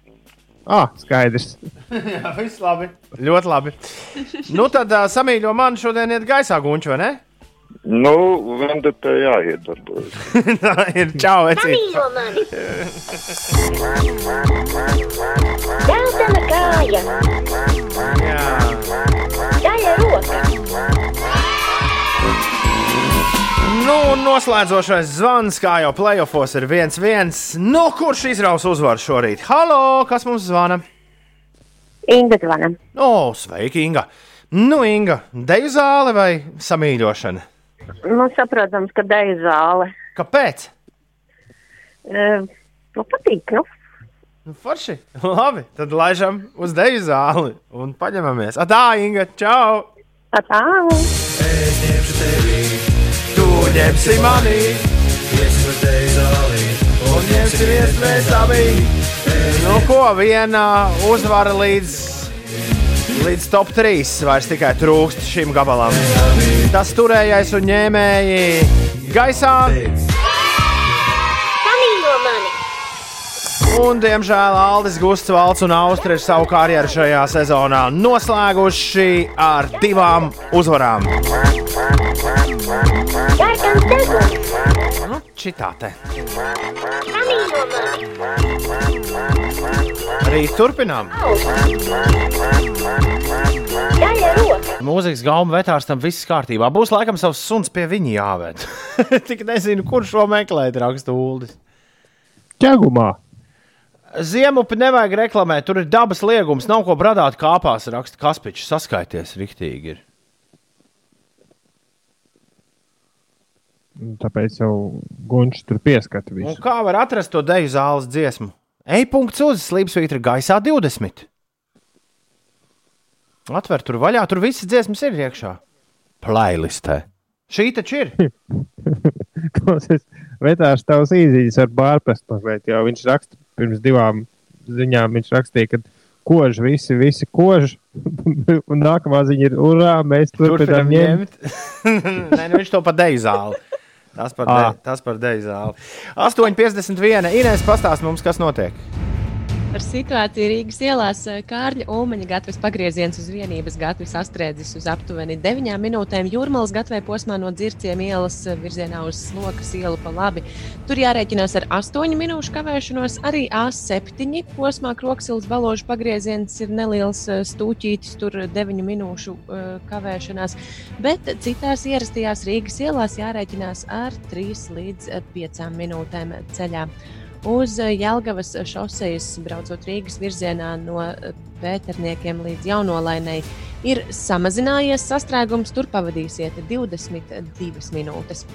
Latvijas Nacionālā bibliotēka atkal ver durvis apmeklētājiem, aicina apmeklētājus pirms ierašanās reģistrēties, rezervēt nepieciešamos iespēju darbus un nepieciešamības gadījumā nākt arī ar saviem portatīviem datoriem, kā arī apmeklētāju laikā. Mm, apmeklētājiem ir jālieto mutes un deguna aizsegi. Vēl par to, kas notiek Latvijā. Šodien sākas ikgadējais fotomākslas festivāls Rīgas fotomēnesis. Ievērojot pulcēšanās ierobežojumus, festivāla pasākumi, izstādes, performances, projekcijas, diskusijas un ekskursijas norisināsies nevien sociālajos tīklos un platformās, bet arī izstāžu zālēs un pilsētvidē. Lieliski. 8,52. Labrīt!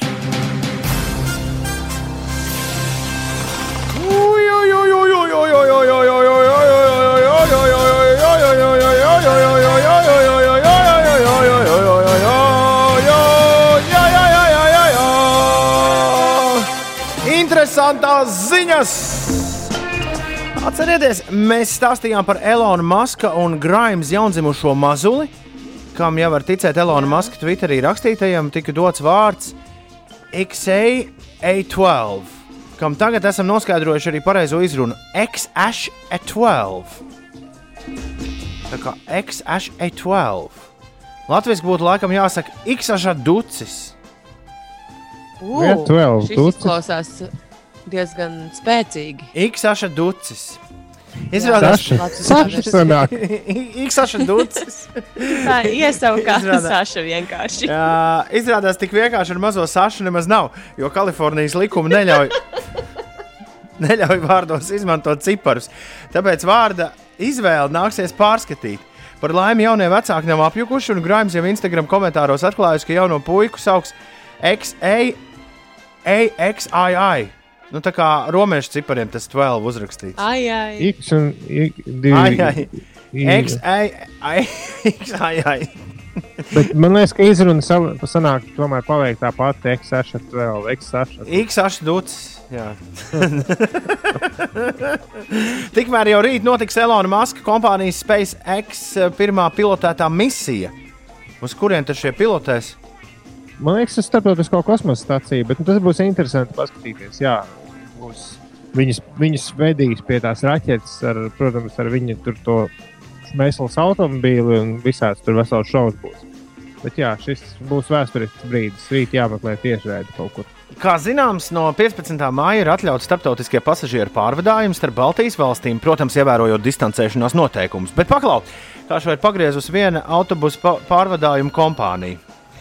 Uh, Šmeko lainas atsāk braucienus uz Viļņu Tallinu divas vietas autobusā par vienas cenu. Liek teikt, ka šādu viens cilvēks uz divām vietām noteikumi jāievēro pandēmijas sakarā, bet, ja jau var reklamēt, ka divas vietas par vienas cenu, tad kāpēc ne? Lauris Lisbauskis gan vakar naktas sporta vīrs, gan vakar naktas Twitterī ierakstījis, ka pasažieru vilcienus varētu reklamēt vēl labāku piedāvājumu. Uh, viss vagons par vienas biļetes cenu Rīgā aizkraukli ik rītu 5.10. Paskat, kā šis braukelē. Padomā, Ulu, cik daudz var izdarīt vilcienā, ja tu tiešām esi viens pats vis- tajā pirmajā rīta vagonā. Tu jau vari tur sportot kaut ko. Vingrošanas Pirmkārt, sesija, vi- jā. viens, ka tu vari vingrot, otrs, ka tu vari savus oficiālus darbus darīt. Super izdevīgi. Klausīties mūziku un dejot pa visu vagonu. Klausies, traks lietas, Ines. Bolīvijas pārflautu orķestris iesprūdis senā spoku apsēstā vācu pilī, ko aplenkuši vilki. Tieši tik baisas virsraksts lasāms portālā New York Post.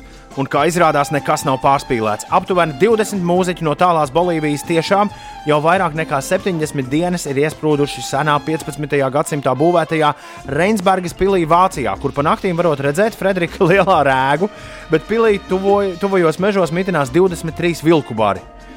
Mūziķi, no kuriem cilvēki ēd? Pagaidiet, klausies. Mūziķi, no kuriem tas loģiski Vācijā viņi ir. Mūziķi, no kuriem lielākā daļa nekad agrāk nebija pametuši dzimto Bolīviju, stāsta, ka ieradušies Vācijā uz kādu mūzikas festivālu tieši tajā dienā, kad Vācijā tika aizliegti publiskie pasākumi, bet drīz pēc tam tika slēgtas arī Vācijas un Bolīvijas robežas. Tagad mūziķi pavada laiku pastaigās ap pili. Un vairāki panflautisti presē stāsta, ka jau vairākas reizes esat sastapušies ar vilkiem. Taču pagaidām tie ir visai draudzīgi un īpaši interesi par bolīviešiem nesot izrādījuši. Kā ar to spoku? Jā. To ir sastapuši? Uz spoks pa naktīm, tur, tur pa naktīm esot dzirdami visādi trokšņi, bet es domāju, ja viņi visi 20 sāk spēlēt savu plānflautas pretī, tad tur kādas spoki. Bet, Es jā, dom- viņiem, Ines, lai tu neuztraucies, viņiem vietējie ziedojot uh, ēdienu un drēbes, bet tas pamazām kļūstot padārgi, jo uh, izmaksas sākot sasniegt 35,000 dolāru mēnesī. Tur sarkangalvītes pagaidām- nes groziņā ēst. Jā, un viņi, viņi tur spēlē futbolu, vingrinās pat 6 stundas dienā un pastaigājas. Uzmanoties, vajag- protams, no vil vilkiem. Mums vajag noslēgt ā, šo raidījumu ar panflautām no Bolīvijas. Dāmas un kungi, te no jums bišķiņi būs. Klausieties, nu!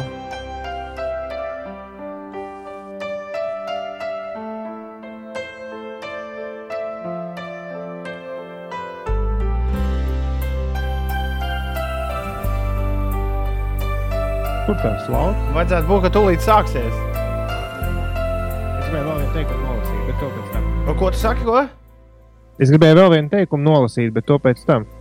Nu, būs?